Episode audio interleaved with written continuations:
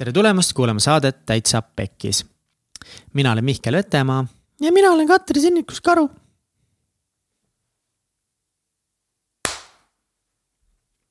tere tulemast kuulama saadet Täitsa Pekkis. mina olen Mihkel Vetemaa. ja mina olen Katrin Hinrikus Karu.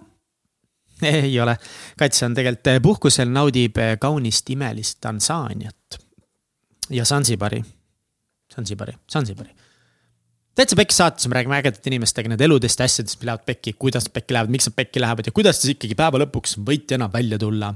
tänases saates on meil külas imeline, töökas, sihikindel, Viljandimaalt pärit ettevõtlik naine nimega Terje Kissa. kes juhib ühte Eesti väga kuulsat talendi, casting'u ja modelliagentuuri Agency Icon. Terje on ise siis äh, filmimaailmaga väga pikalt ühel või teisel viisil kokku puutunud, modellindusega kokku puutunud. ta õppis Tallinna Ülikoolis BFM-is täpsemalt siis äh, filmi ja videot. ja lõpetas selle kakskümmend kuus aastal ning ta on töötanud ka Itaalias äh, modelliagentuuris. ning äh, kui ta Eestisse tagasi tuli siis ta otsustas äh, asutadagi äh, casting'u agentuuri umbes kaks tuhat kaksteist aastal, kaks tuhat kaksteist aastal. nii et peaaegu kümme aastat juba on ta seda ettevõtet üles ehitanud äh, pisarate ja higi ja vaevaga ning tänaseks päevaks siis Agency Iconi andmebaasis on üle kümne tuhande erineva inimese talendi. professionaalsed näitlejad, modellid, inimesed tänavatelt erinevaid. ja nende ülesanne on siis aidata neid inimesi filmidesse, reklaamidesse, teleseriaalidesse. ja need projektid, mida nad on aidanud, millega nad on koostööd teinud, need on olnud nüüd tänaseks juba üle maailma.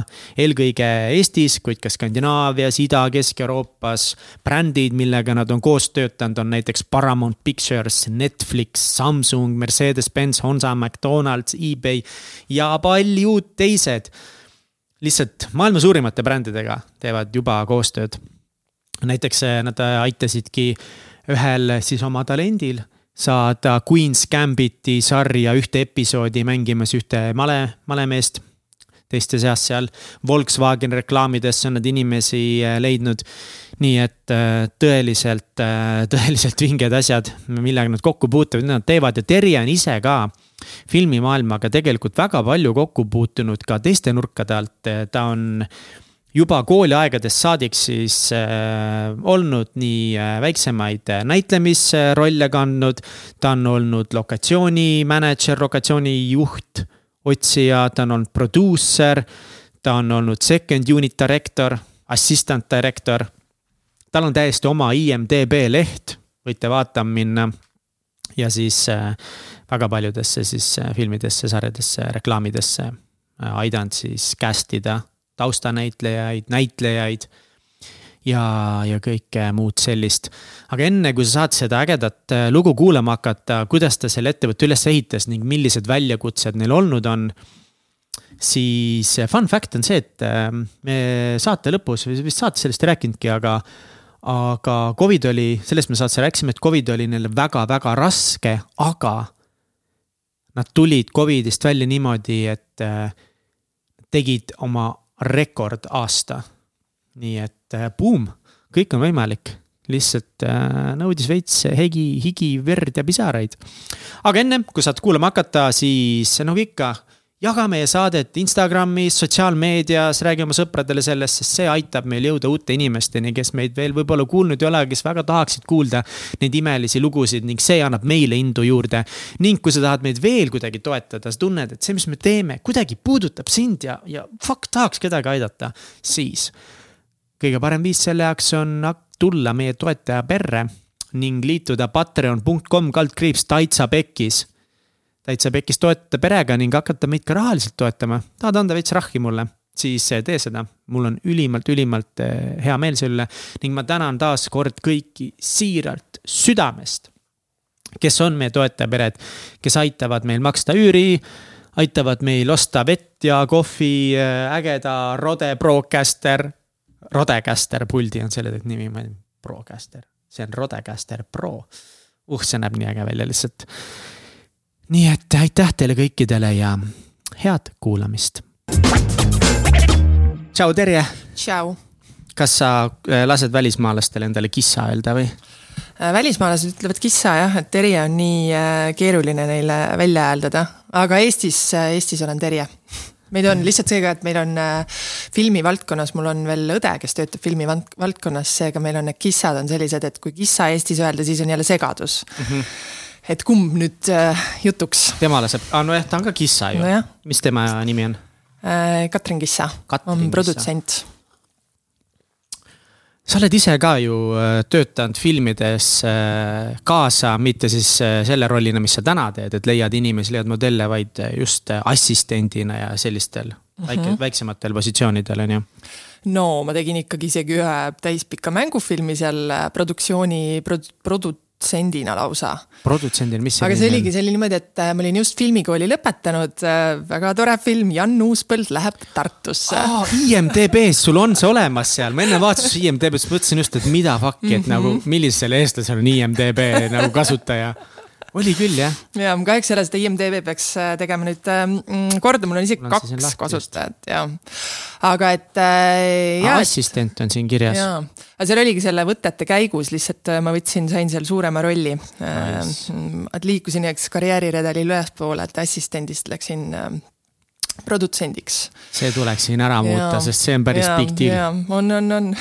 aga mida teeb produtsent, ma tegelikult päris täpselt ei tea noh, produtsente on ka, eks ju, on äh, erinevad, et on need, kes tegelevad äh, ainult nagu raha poolega, et kuidas äh, saada filmile rahad ja kuidas see eelarve jaotada. Ja siis on need, kes on platsil, siis viivad kõike seda nagu võtet ellu, panevad meeskonna kokku ja vaatavad, et kogu see sest seal on ju need meeskonnad on ju suured, eks ju, et mm, seal on palju inimesi, et, et kuidas see kõik jooksma hakkab aga et tolle selle mm, filmiga ja üldse nende filmidega, et kus ma tegin siis ähm, kas siis assistendina või, või muude, muudes osakondades kaasa, oli nii, et ma ma lõpetasin filmikooli. Ja tegelikult juba seal filmikooli siis äh, teisel kursusel me hakkasimegi siis justkui praktikat tegema, et äh, kas olid siis tasuta praktikad, meid pandigi mängufilmidel assistentideks a la kas äh, kostüümiosakonda, krimmiosakonda, lokatsiooniosakonda.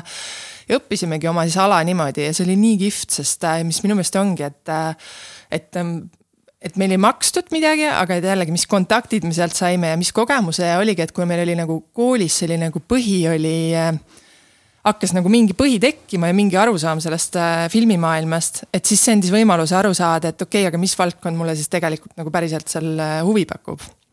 ja siis selle ja see ja, ja pärast oligi filmikooli, et ma ka veel ei teadnud, et kas see nagu casting on see, mida ma tahan teha et tol hetkel tegelikult Eestis nagu casting ut kui sellist äh, korralikku ühtegi agentuuri ei olnud ja keegi ka ei noh, ei, ei teinud ja ei mm -hmm. peetud seda kuidagi vajalikuks. et, äh, et siis oligi, et siis ma hakkasin alguses tegingi äh, seal pigem nagu produktsiooni assistendina töid okei okay., no see kõlab väga huvitavalt ja sa oled veel olnud ühes äh, minu noorpõlve kõige rohkem mõjutavas filmis on assistant direktor on siin kirjas.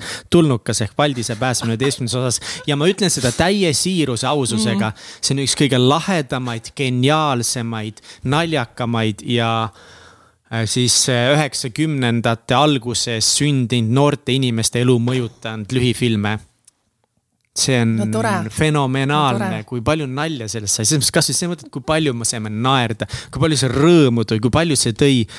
lihtsalt sa võid mingi Kapa-Kohilast mingi vennad kokku saada või mingi tallinlasega ja sa teed selle osas mingisuguse nalja, kõik saavad aru, kõik said sellest referentsist aru.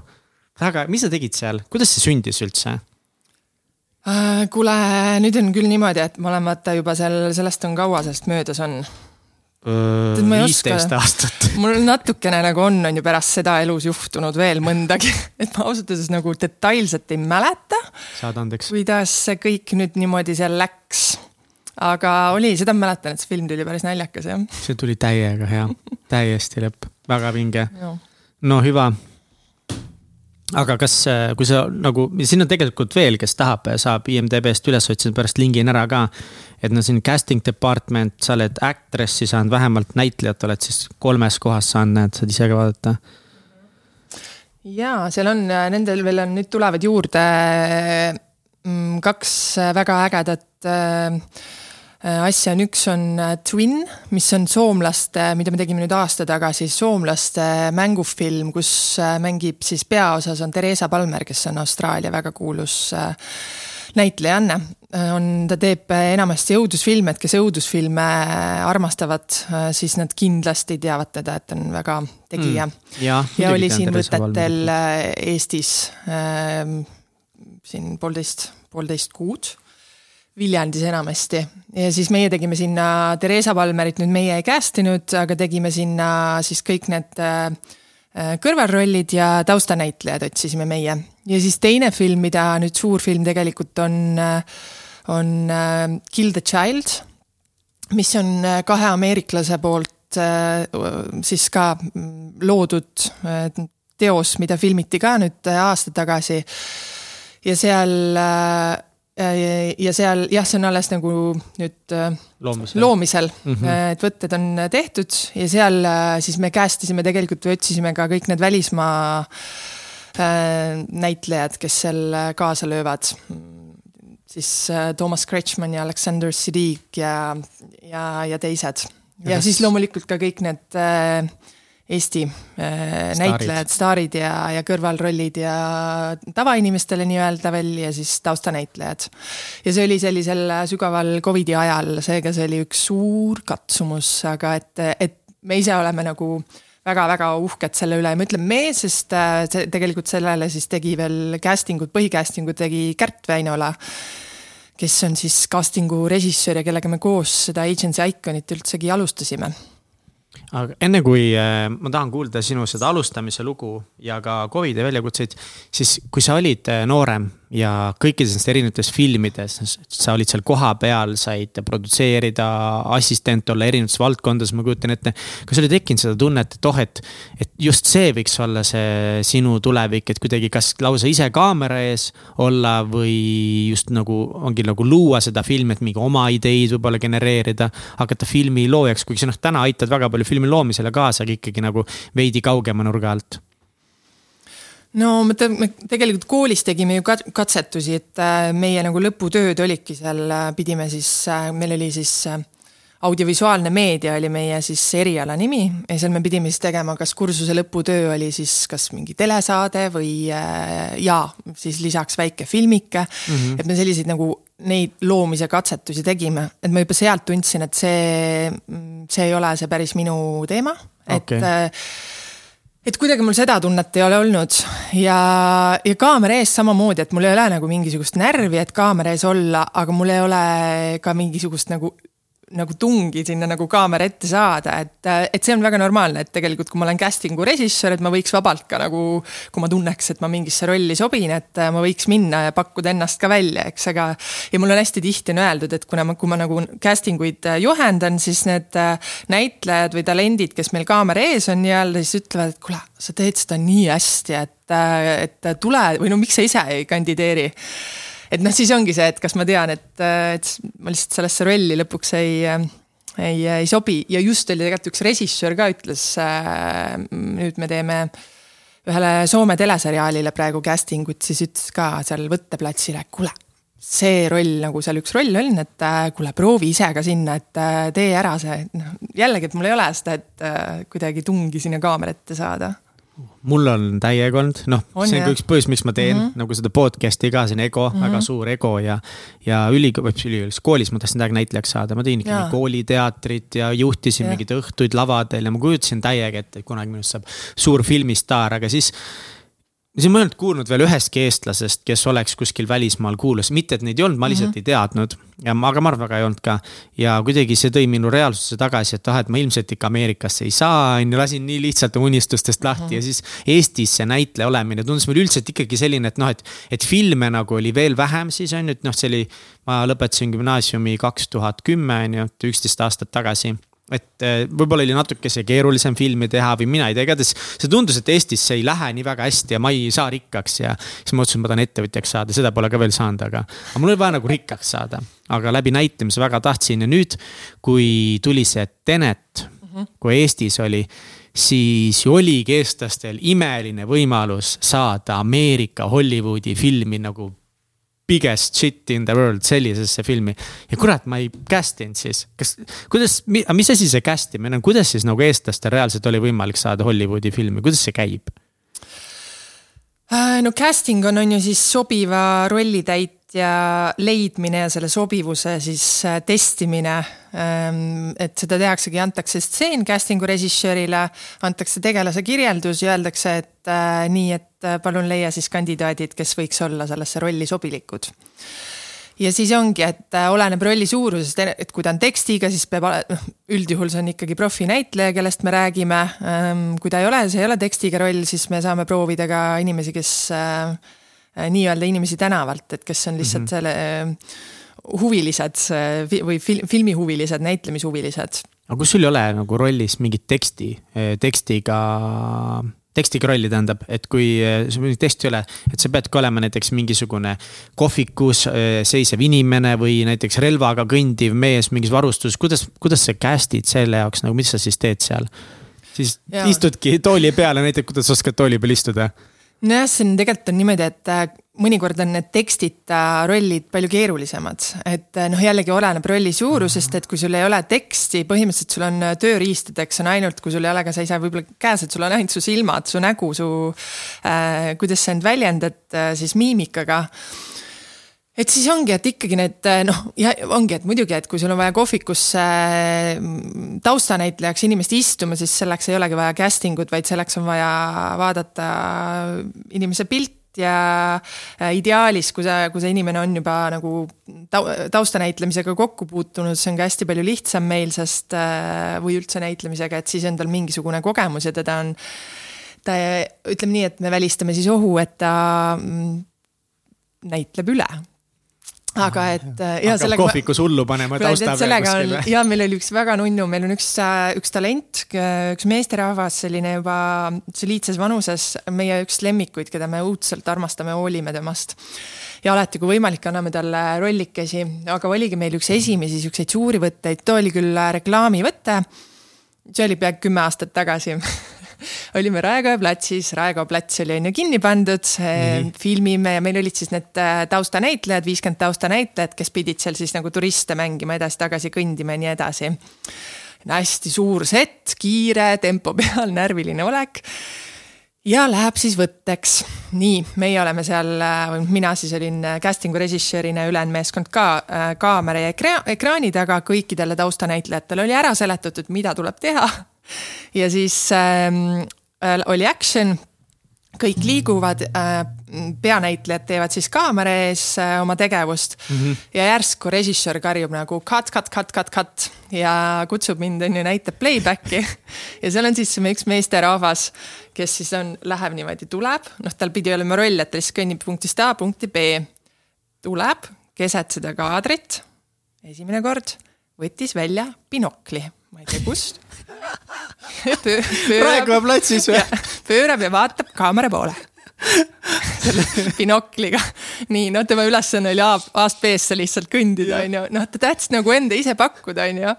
aga lihtsalt no sel hetkel ka oli see, et see oli nagu täpselt keset seda kaadrit oli tema seal nagu sellise natuke kadunud selle olekuga vaatab oma binokliga igale poole. ja siis teise korra andsime veel siis võimaluse ja siis ta võttis jälle, ma ei tea, kust ta oli varunud, siis ta võttis välja suure Tallinna City Mapi või noh, siukse kaardi.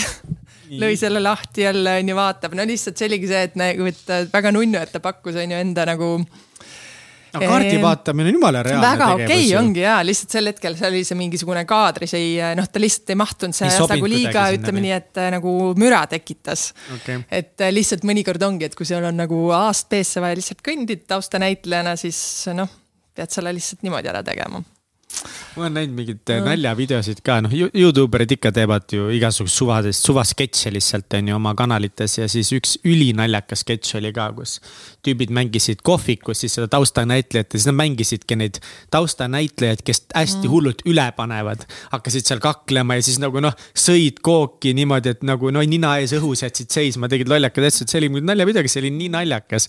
et seda tõesti võib päriselus juhtuda ka, kui keegi nagu on väga sihuke ambitsioonikas on, aga jaa, sa küsisid ennem, et äh, mis seal casting ul siis üldse tehakse, et äh, noh, ikkagi, et äh, kui ta on nagu mingisugune selline roll, et midagi rohkemat kui lihtsalt on vaja istuda, et siis meil ongi, põhimõtteliselt me teeme selle stseeni läbi, mis noh, mida vaja päris reaalsuses siis seal filmi võttel teha.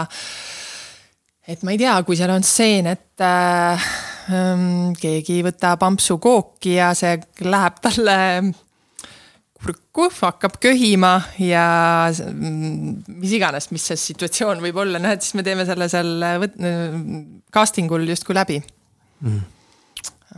ma pean kõike hakkama cast ima, sest ma üldse. sa pead ennast kõigepealt üles andma üldse esiteks, äh, et äh, mis sa seal kuidas sa muidu cast ima hakkad? Mm, kuidas ma annan üles ennast? no vot ongi, et äh, eriti kui sa ei ole nagu profinäitleja, siis on ju keegi sind justkui ise ikkagi on väga keeruline, et üles leiab, et äh, meil on ka, et kui meil on vaja nagu mingit tüpaaži, mm, ütleme, et äh, punaste pikkade rastadega meesterahvast, kes ähm, neelab mõõka näiteks, ütleme mingisuguse sellise erioskusega. et siis on selles mõttes, me hakkame teda otsima, eks ju, ja siis üks hetk me leiame ta ka üles üht või teistpidi täiesti kindlalt. aga et kuna sa oled selline. Mm, tavaline tavaline lampvend näed kena meesterahvas, aga ütleme Aitäh. nii, et võib-olla on ka nagu mõningaid veel nagu siia nagu kõrvale panna sulle, on ju mm. -hmm. et siis, et siis on see, et jah, et, et ega me nagu ise sind just ei tule otsima. et siis sa pead ise ütlema või ennast üles andma, et ongi, otsid siis talendiagentuuri, talendi ja casting'u agentuuri, Eestis on siis tavaliselt need koos ja saadad oma ankeedi ära fotoga ja see läheb siis selle casting'u agentuuri talendi andmebaasi panka ja siis ongi, et kui üks hetk otsitakse, kas siis taustanäitlejaid või otsitakse meesterahvast sinu vanuses, siniste silmadega, äh, pruunide juustega, selles pikkuses, ütleme mm. -hmm. et siis äh, kirjutatakse sulle, et äh, et tule casting ule, ennem antakse teada, et mis projektile, mis rolli kui see on reklaam, et täpselt, et kuhu see näitamisele läheb, mis tasu eest. Ja et, eh, et, et siis sa saad vaadata, et kas sa oled üldse huvitatud saadaval ja siis juba kutsutakse mm -hmm. casting ule ma tahaks väga küll tegelikult lihtsalt kas mingit, mingit tausta ongi, et ma nagu täna seda näitleja mhm. karjääri taga enam ei aja. aga täpselt noh, et mingi film tuleb, ma tahaks täiega näha, kuidas see filmiprotsess -hmm. käib ja ollagi see mingi vend, kes seal kohvikus istub lihtsalt kuskil taga. no tead, see on nii äge on, see ongi, et seal nagu mingi maagia selles on ju on mm. -hmm ja, ja see ongi see, et ma just üks päev nüüd olin, meil olid taustanäitlejad äh,.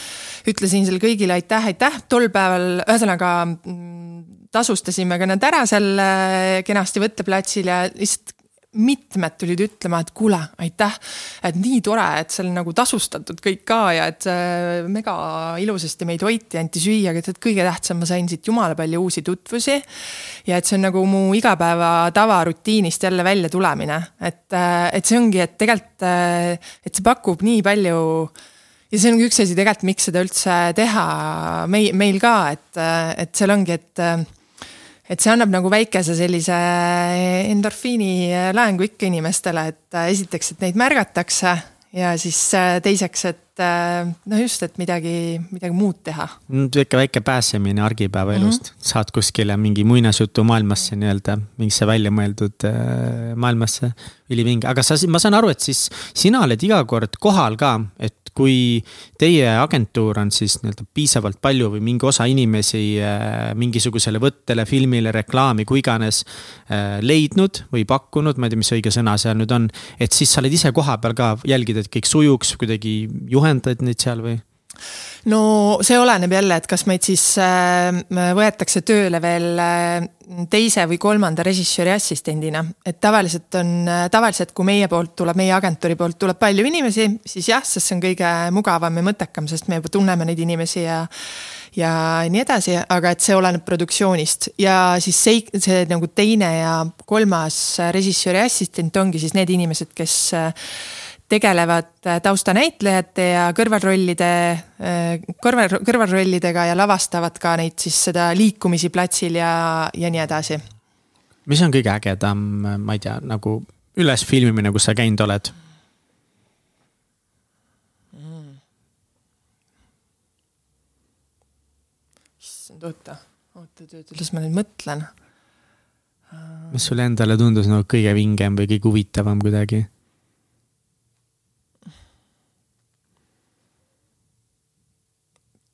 Issand, ma ütlen, mul ei, mul on nagu, ma ei olegi sellist, mul on lihtsalt nagu mingid äh, mul on jällegi, ma olen nii seotud nende nagu inimestega, kes seal mm -hmm. on, et mul tulevad äh, mingid lood kohe, et kuidas täpselt siin äh, ühel võttel üks äh, naine jälle tuli, rääkis pisarad silmis, et kuidas see on talle kuidas see asi oli ta elu jaoks nii tähtis, noh lihtsalt, et ma mõtlen, see oli nüüd sellel Soome teleseriaali Võtetel uh. -huh aga mul ei ole nagu äh, sellist lemmikut filmikogemust või platsikogemust, et lõpuks mõnes mõttes nagu Äh, ma arvan, noh lihtsalt mulle projektina näiteks see Twin on, äh, millest me ennem rääkisime, see mängufilm, et ma, see, see on nagu päris äh, sellist päris kihvt asi tuleb sellest kokku ka ja kuidagi oli, võib-olla see andis nagu eriti sellist, et sellega olla seotud mm. -hmm. või see Kill the Child ka, et selline esimene selline suurem noh, nii-öelda USA, USA film, mis Eestis tehtud. aga sellist nagu lemmikut, lemmikut ei ole. aga lähme ajas tagasi, kuidas üldse siis tekkis idee teha casting agency? see tekkiski niimoodi, et mm, pärast seda ülikooli õpinguid, siis ma töötasingi kas aasta või poolteist, mis ma olin Eestis, töötasin, töötasin päris palju. Võtsin endale veidi liiga suuri jampse, et et, et tundsin ühesõnaga, et seda oli kõike natuke liiga palju. Ja, aga sel ajal ma juba tegelikult hakkasin ka tegema casting uid ja sain aru, et, et see on nagu miski, mis mulle väga meeldib äh,. Neid inimesi ja karaktereid otsida ja et ma, ma tunnen, et ma olen selles hea, et. mis sulle meeldib selle juures, ma kohe küsin siin, peatun korra siin.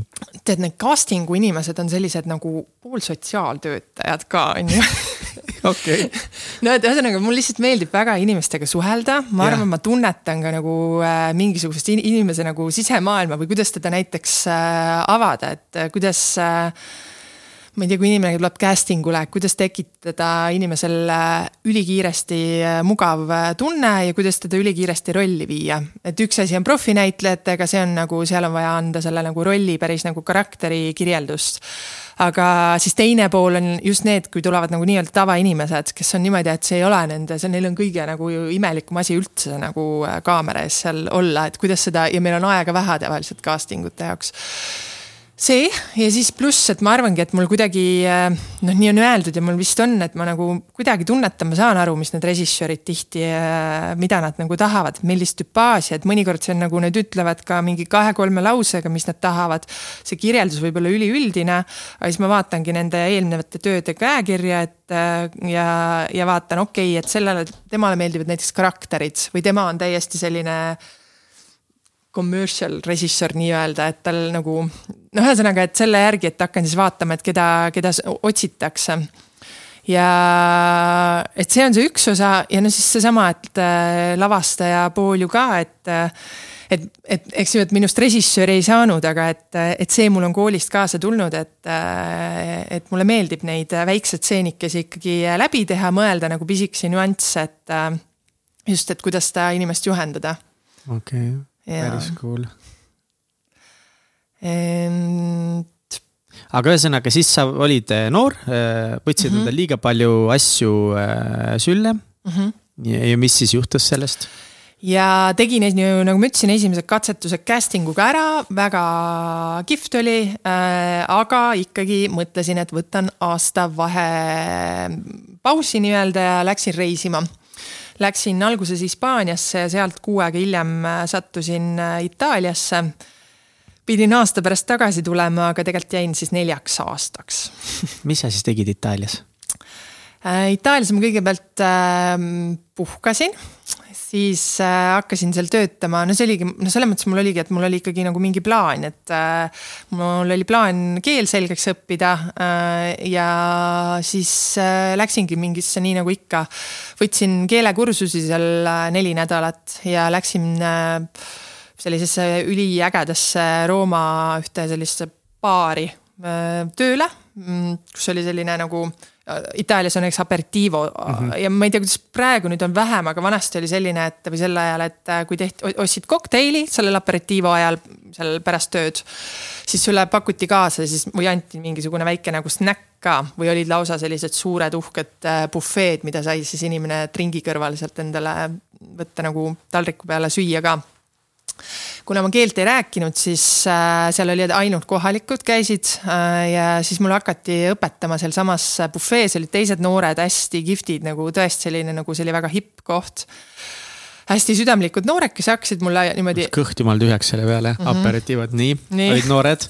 et äh, hakkasid äh, õpetama, et äh, koputasid laua peale, ütlesid il tavolo või näitasid taldrikut il piatto un bicchiere, noh, et üks klaas, eks ähm,. Portami questo, noh, ühesõnaga, et äh, selles ma õppisin põhimõtteliselt äh, ülikiiresti, õppisin keele ära. ja äkki oligi mingi, kas viie kuuga ma rääkisin ikka üsna nagu soravalt äh,. no selline tavavestluses wow. sain äh,, sain hakkama ja kui ma selle keele seal ära õppisin, ütleme, seal oligi, läks aasta, et siis ma läksin tegelikult seal, no see oli mu plaani teine osa, et äh, kuna mul oli neid äh, väga huvitav, et mul näiteks äh, selle minu selles nagu filmikoolis põhimõtteliselt kõik mu katsetused äh, filmi, filmide või telesaadete siis tegemisel, mis seal nagu lõputöödeks oli vaja teha, need olid kuidagi seotud nagu moega mm.. et, et mul oli see nagu moepisik sel ajal ka sees. ja siis seal Itaalias oligi, et kui mul oli keel selge, siis ma mõtlesin, et okei okay,, et seal ma casting'u peale ei mõtlesin, et ma ma kuidagi veel ei olnud seal, ma ei tahtnud veel minna sinna nagu casting'u peale ka tagasi äh, et siis mõtlesingi, et aga, et prooviks seda moe poolt, et Itaalia ikkagi parim koht ju, eks ju selleks. ja siis ma läksin sinna ühte agentuuri, modelliagentuuri hoopiski Bookeriks, äh, kuna mina rääkisin. mis on Booker? Booker on see, kes äh, leiab ja kinnitab töid modellidele, et tulevad päringud, siis öeldakse, et meil on näiteks Prada show, meil on vaja Äh, selliseid meesmodelle, naismodelle, et kes saaks, ühesõnaga, et kes saaksid reisida nendel kuupäevadel show'le ja siis äh, Booker on siis see inimene, kes äh, uurib nende modellide saadavust ja kinnitab nad siis tööle, kui kliendile, klient annab kinnituse.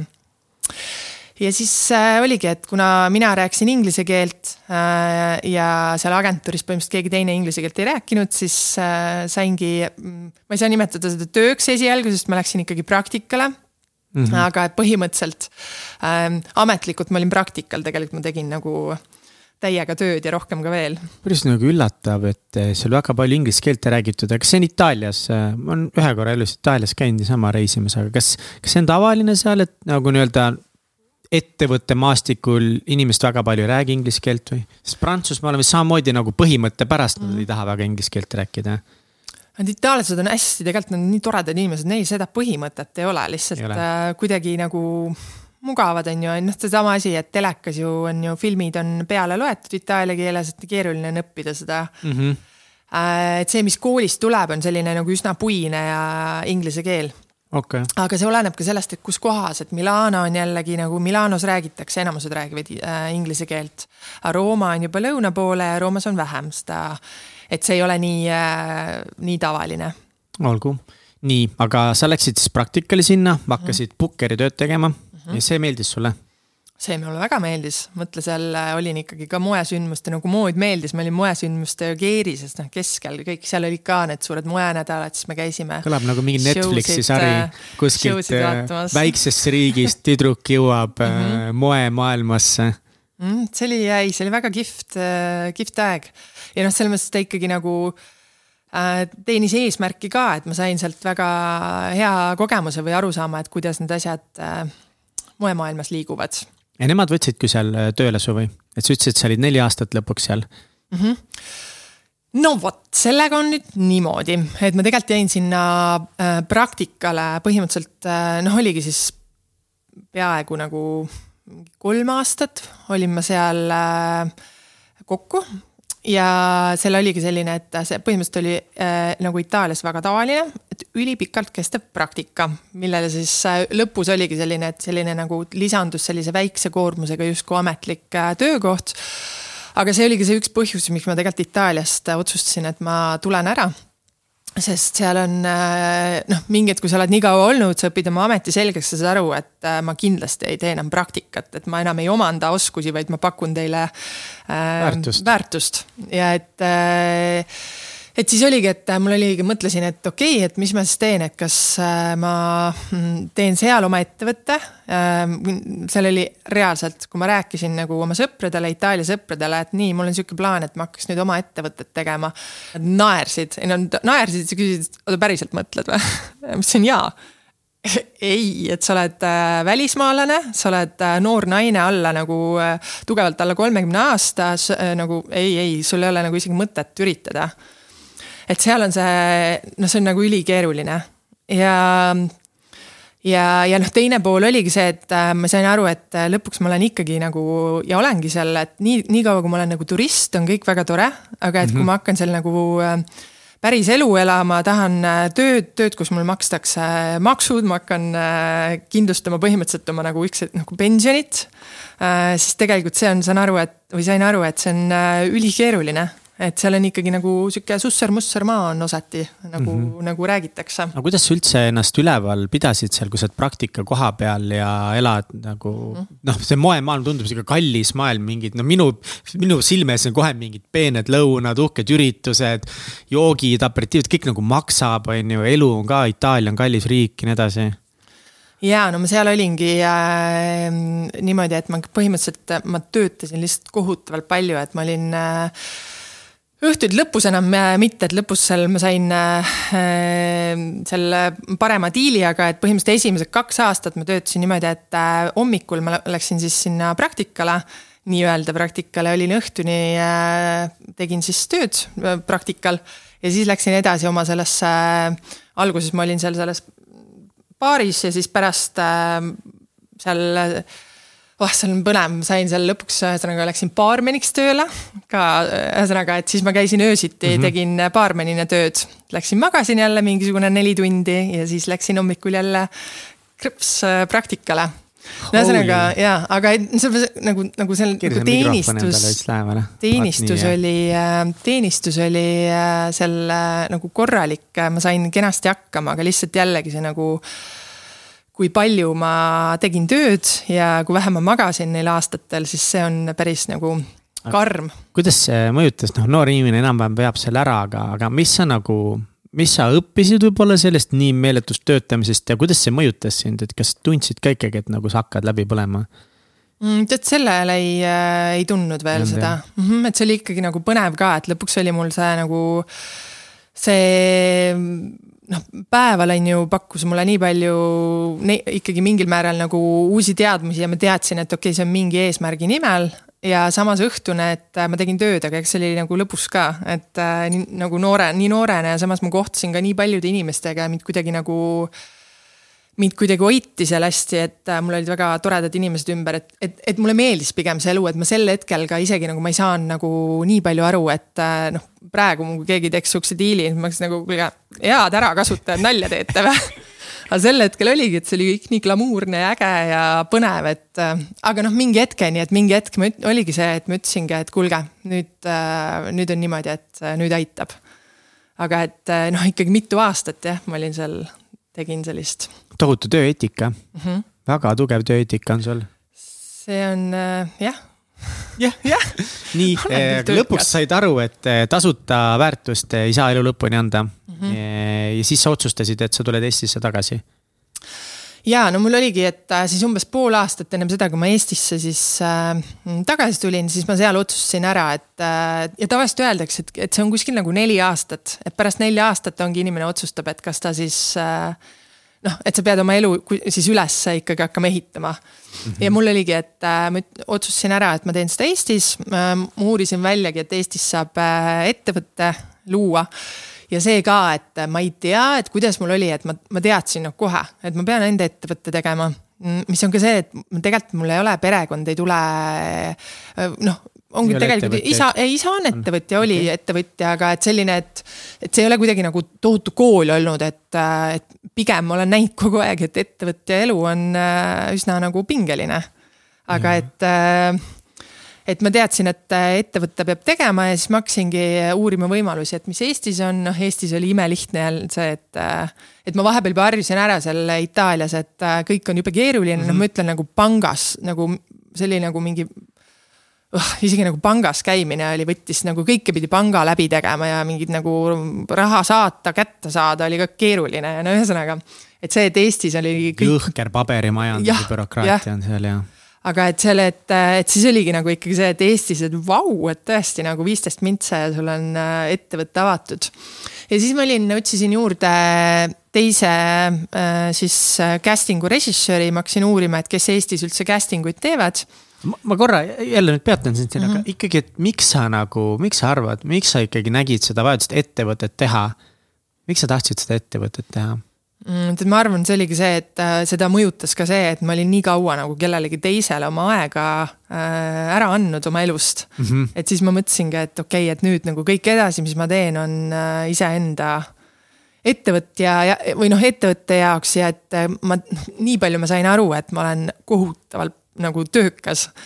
et siis oligi, et, et ükskõik kuhu ma küll oleks tööle läinud, ma oleks teinud nagu, töötan nagu oleks see minu ettevõte Mm -hmm. et selle ma sain seal aru, et, et siis ongi, et siis on ju nagu vähemalt mõttekas proovida juba enda ettevõtet äh, luua, hakata sinna nagu panustama. ja kui see ei toimi, et siis saab äh, edasi vaadata. oli sul mingeid hirme ka alguses ettevõtte loomise ees või üldse sellesse maailmasse astumise ees? ei, Nope Nope, aga no see oligi see nagu mingisugune vaata uljus on ju yeah. ja väga hea, sest ma ütlen, et kui ma oleks teadnud nagu pooltki, mida ma tean äh, täna on ju, või nagu ütleme nagu kümmet protsenti, siis tõenäoliselt mul oleks see hirm tekkinud ja ma oleksin öelnud, et aa ah, okei okay,, ei. et ma olen average Jane, average Jane ja et ei, ei see mul nagu läbi lähe aga et tegelikult sel hetkel, vaata, see on mul mingi nagu tugevus, et, et uljalt peale ja küll lahendab ära ja läheb samm-sammult, et äh, päev korraga. õige mm, -hmm. ma arvan, et ettevõtlust, nojah, selles mõttes, et kui sa oled kogenud ettevõtja, aga alustav ettevõtja, nagu sa tead kõigist jama, mis juhtuma hakkab. inimesed võib-olla tõesti ei alustaks väga niimoodi, oota, aga sa uurisid Eestis kõik selle asja välja, sa hakkasid rääkima nüüd, et sa otsisid endale partneri. Jah, et äh, ma uurisingi, et kes siin Eestis casting uid teevad ja sealt siis äh, leidsin äh, partneri Kärdi, kes imeliselt, me tegelikult olime olnud ka seal ülikooli ajal selle nagu ühes pundis, sõprade pundis, tõesti, see on nagu kokkusattumus meil vahepeal katkesid täiesti, nagu me ei suhelnud üldse ja ma tõesti isegi ei teadnud, et ta on hakanud casting uga tegelema. aga et siis äh, oligi, et äh, sain teada, et äh, Kärt sellega tegeleb ja siis, kui nii oligi, et ma Itaalias juba kirjutasin talle naljakaid detaile, mäletan, et ma kirjutasin sealt, et äh, kui ma Eestis olen nüüd äh, nädala pärast, et saame kokku. ja sealt see läks. kuidas te alustasite, mis sai, kuidas käib casting agency, agentuur eesti keeles, agency mm, -hmm. casting eesti keeles on no, sellel eesti keele sõna? ikka öeldakse casting, casting no, agentuur. rolli sobivuse testimine. rolli sobivustestimise agentuuri. aga jääks casting'u juurde, on ju. jääme casting'u juurde, kõik ei ole eesti keelt ümber tõlkida. ei, äh, no ühesõnaga mul oligi, et ma kõigepealt teadsin juba, et ma kõigepealt siis tahan, et äh, me saame selle nagu casting'u poole käima ja siis üks hetk, kui me oleme valmis, loome sinna juurde talendi ja siis nagu modelli osakonna ka et see on selline hästi loomulik äh, jätk taga, tavaliselt sellisel firmal. ja siis oligi, mis me siis hakkasime Kärdiga alguses oligi, et ähm, kaks kätt taskus, äh, taskud tühjad aga mõlemad töökad äh, tüübid ja noh, see oligi, et Kärdil olid mõned kontaktid, eks Eestis, kes, kellele casting ut teha ja noh, ikkagi minul ka ju veresugulane produtsent, et siis me saime paarile filmile sellised paar rollikest seal cast ida. et kuidagi käe valgeks saada. issand, ma mäletan ühte casting ut, kus oligi niimoodi, et ma alustasin ma tegelikult oligi, et ja see on ka see, et mul on ikkagi nagu seda uljust olnud, et nii nagu ma läksin seal Itaalias, kui mul oli vaja, sain aru, et ma pean oma nagu palga saama paremaks ja, nagu siis ja mul on vaja nagu päeval teha muud tööd ja öösiti põhimõtteliselt töötada, siis ma läksin sinna baarmeniks niimoodi, et ma ütlesin, et äh, siin on mu CV, noh Eestis siis uhked baarid olid kirjas, on ju no,. klassika. ja siis äh, olin endale need kaks kokteili seal lasknud ette näidata sõprade poolt, et äh, mida vaja teha ja siis mul pandi kohe proovipäevale, siis mul olid siuksed nagu väiksed spikrid olid seal äh, nagu baarileti juures, siis ma vaatasin kaks untsi seda ja nii. ühesõnaga, et äh, tegin need äh, kokteilid seal valmis, siis kui keegi küsis mingisuguseid kokteile, mis mul polnud õrna aimu ka, kuidas neid tehakse, siis äh, tuli jälle, on ju see oskus, et ma rääkisin, et päriselt tahad seda kokteili või? kuule, teen sulle nagu, ma teen sulle mingisuguse täitsa nagu teise asja, noh, ühe nendest kokteilidest, et äh, mingisuguse geniaalne, geniaalse joogi. et ühesõnaga et niimoodi, ühesõnaga ma sain seal alustatud oma selle uljusega. rääkisid inimesed välja asjadest, mida sa lihtsalt ei osanud teha ja siis äh, selle casting uga, noh, ilmselgelt ma oskasin seda teha, aga et kui ma olin nagu olnud ära põhimõtteliselt äh, nii pikka aega sellest, siis äh, tulla tagasi, hakata Eesti profinäitlejatega tegema casting uid, seal ikkagi nagu mul käsi ikka kõva, nagu kõvasti värises alguses aga saime käe valgeks. hea kuulda, et äh, käsi värises mm. -hmm. et see on julgustav muidu tundub, et kõik lihtsalt nagu lähed ja teed ja vaatad julgelt otsa, lööd rusikaga vastu rinda ja lebo mm. -mm, ei ole üldse nii, aga ja, et siis me hakkasime, et kuidas meil siis nagu minema hakkas, oligi, et äh, andsime nendele mõnele inimesele teada, et me teeme casting ut ähm, mis oli ka, et tol hetkel jällegi ma ei teadnud midagi, mis asi on nagu müük või turundus, on ju, et siis, äh, aga noh, tegime omal moel müüki, et mm. -hmm. äh, ja saimegi esimesed sellised giigid sisse äh, ja Eestis oli just äh, nagu hea aeg, et äh, alustada, sest Soomest hakkasid tulema esimesed produktsioonid siis Eesti ja veidi hiljem ka Saksast, mis tähendas seda, et äh, kui varem ei olnud nagu casting'u jaoks äh, mitte mingisugust vajadust tegelikult, sest esiteks režissöörid teadsid kõiki Eesti profinäitlejaid. see casting oli teise, teise nagu vormiga, et seal oli pigem nagu tehti küll need casting'u videod ja prooviti stseene läbi aga see, et üldsegi nagu mõelda, et kes sinna rolli võiks sobida või pakkuda nagu mõtteid, et äh, sellist asja ei olnud tegelikult ei olnud vajadust. ja nagu mingitel reklaamidel selliseid tavainimesi võeti pigem, et äh, ah, mul sõbranna naabritüdruk siin äh, on täitsa täitsa nii, et võiks äkki sobida ja oligi korras. aga et kui okay. hakkasid tulema, eks ju nagu Soome produktsioonid, siis ja, ja Saksa. ja nemad tulid, hakkasid sellepärast tulema, et Eestis nagu see tase jõudis piisavalt kõrgele, aga hind oli mm. piisavalt odav võrreldes nende kohalike riikidega, jah? ja see oli, noh, tase on ju esialgu äh, ta oli juba sealmaal, et jällegi seal ei ole võrrelda seda, et mis, mis nagu produktsiooni tase on Eestis praegu või see, mis oli kümme aastat tagasi. aga et tal oligi, et ta pakkus, Eesti pakkus väga ägedat nagu just casting'u võimalust, et väga ägedaid inimesi äh,, väga ägedaid uusi lokatsioone mm ja, ja just, et see tase oli nagu nii palju, et sai nagu väiksemad asjad äh, ilusasti ära teha.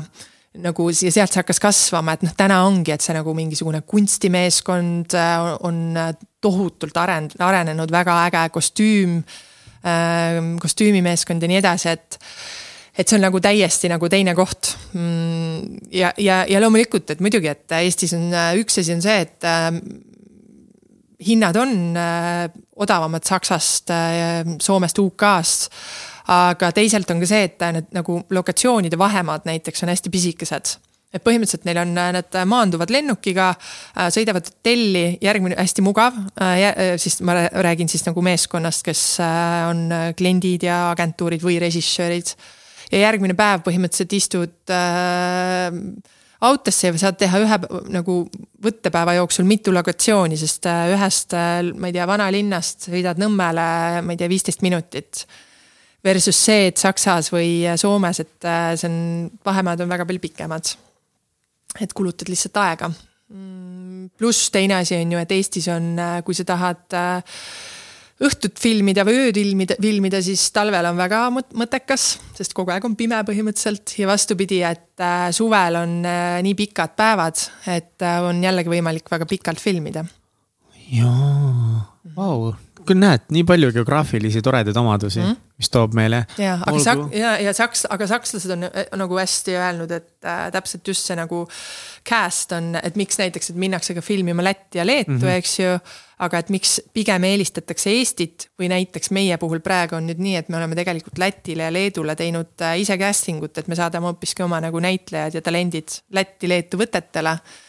sest ikkagi Eestil see nagu, Eestis on ägedaid äh, inimesi äh,. eestlased on ilusamad äh,. mitmekülg, ütleme nii, et mitmekülgset lukki on võimalik siit oh, leida. me oleme nii ilusad Ja... ei, ma just kellegagi rääkisin, sest hullult hea, kui sind sadu aastaid vägistavad kõik mm -hmm. Skandinaavia riigid, siis tulevad väga ilusad inimesed. noh, tahtsin seda võib-olla kuidagi teistmoodi sõnastada. ei, see on ainuõige sõnastus, see on ainuõige sõnastus. jah, aga tõesti, no see, miks on küll. mida see vallutamine muud tähendab? jah, jah. kahjuks, see on karm tõde. seepärast me olemegi nii ilusad sina ja mina nii, ühesõnaga siis hakkasid tulema esimesed produktsioonid äh, Eestisse mm -hmm. ja siis hakkas tekkima vajadus mingi sellise spetsiifilisema läbimõelduma casting'u peale, mis oli kuidagi laiamahulisem või, või mis see vajadus siis oli täpselt äh,? nojah, laiamahulisem, tehniliselt äh, professionaalsem äh,, alates seal nagu äh, videode, kuidas neid teha, videode kvaliteedist. loomulikult sellest, kuidas nagu neid äh, inimesi seal casting ul juhendada äh, Äh, ja ka nagu briifi arusaamisest, et mida režissöör otsib.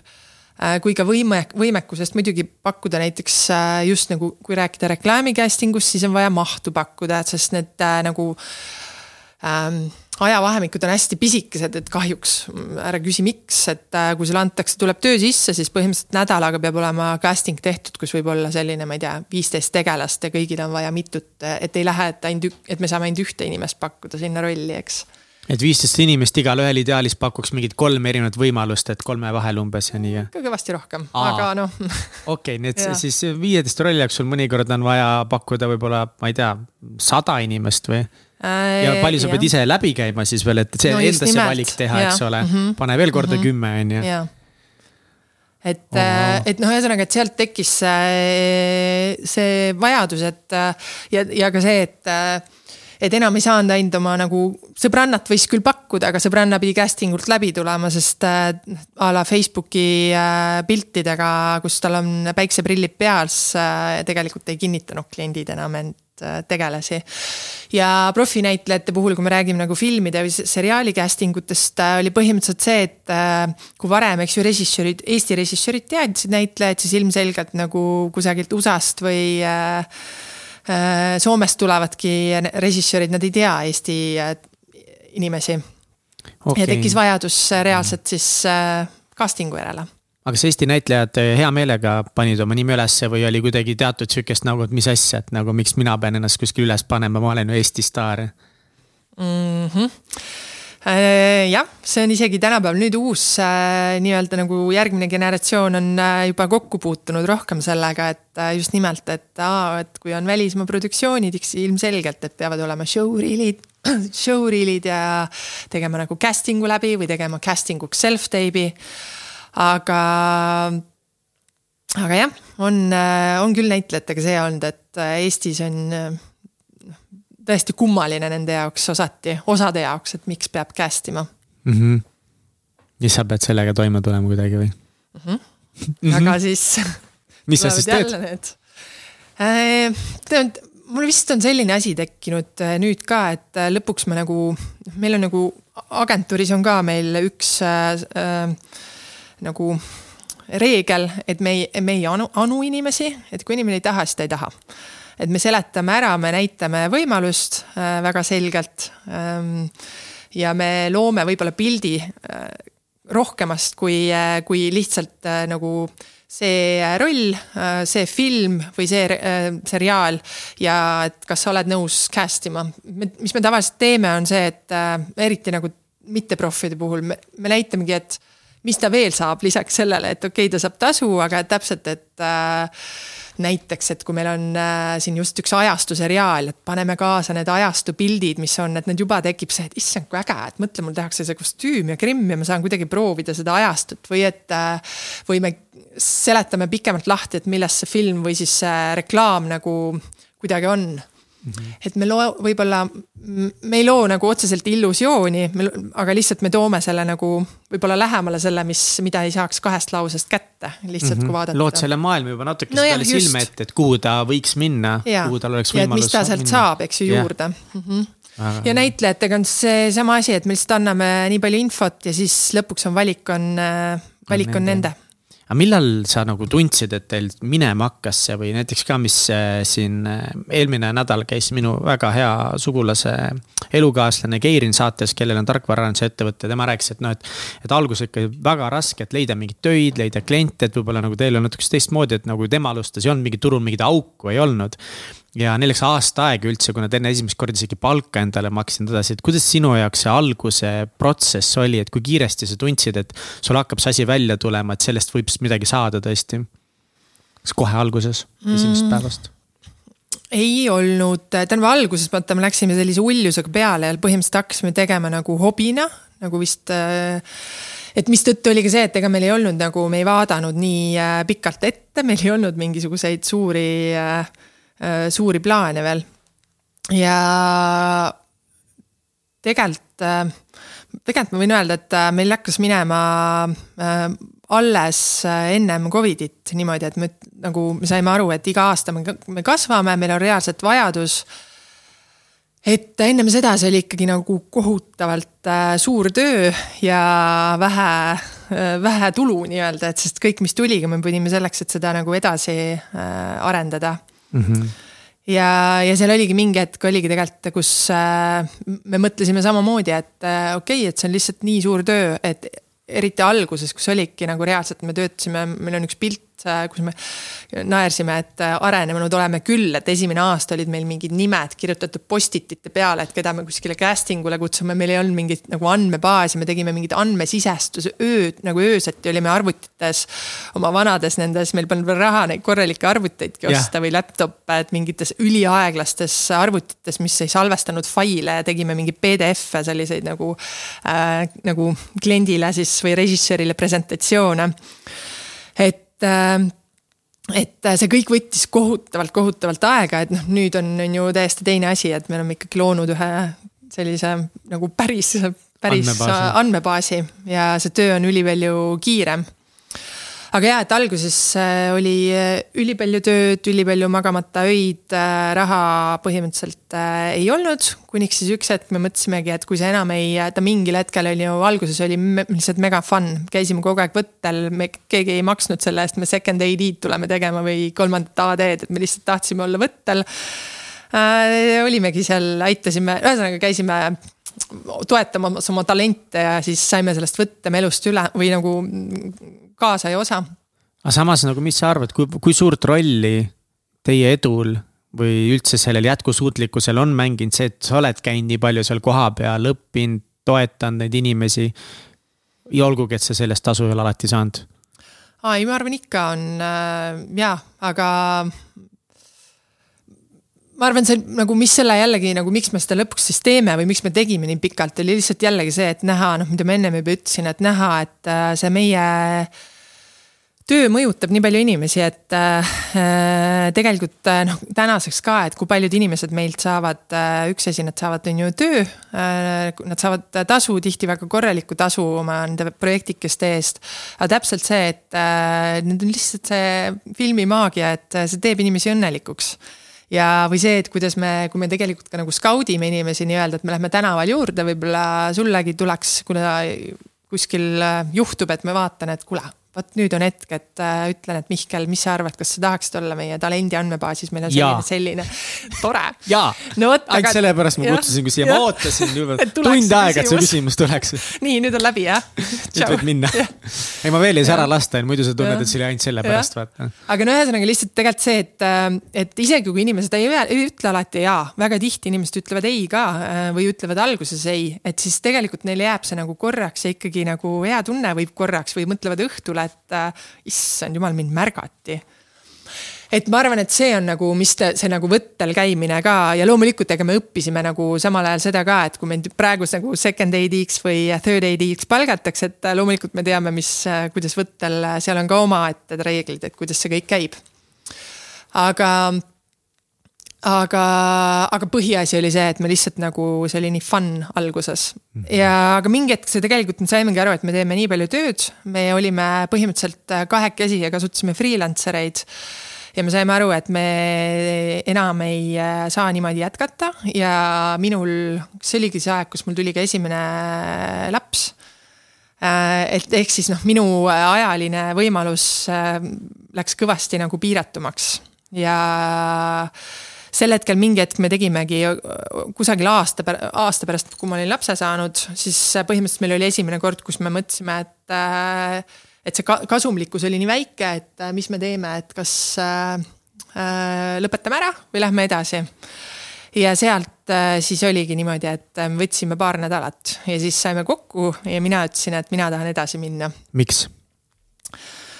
No ikkagi ma usun sellesse nii tohutult, et sellel on, et see, mis me praegu oleme teinud, on nagu äh, köömes veel selle kõrval äh, või no mis selle ettevõttega on tehtud ja ikkagi see on nagu tänaseks äh, väga päris nagu ägedaks läinud.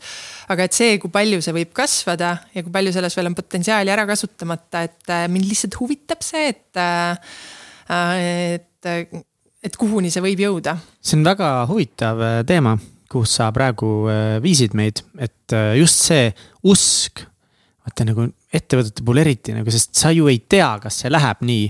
ja selleks hetkeks, te olite juba ikka päris mitu aastat siis äh, mm -hmm. juba teinud, eks ole, nii palju tunde alla pannud ja võib-olla ei saanud veel nii palju raha vastu, nagu sa ise ütlesid ka, et.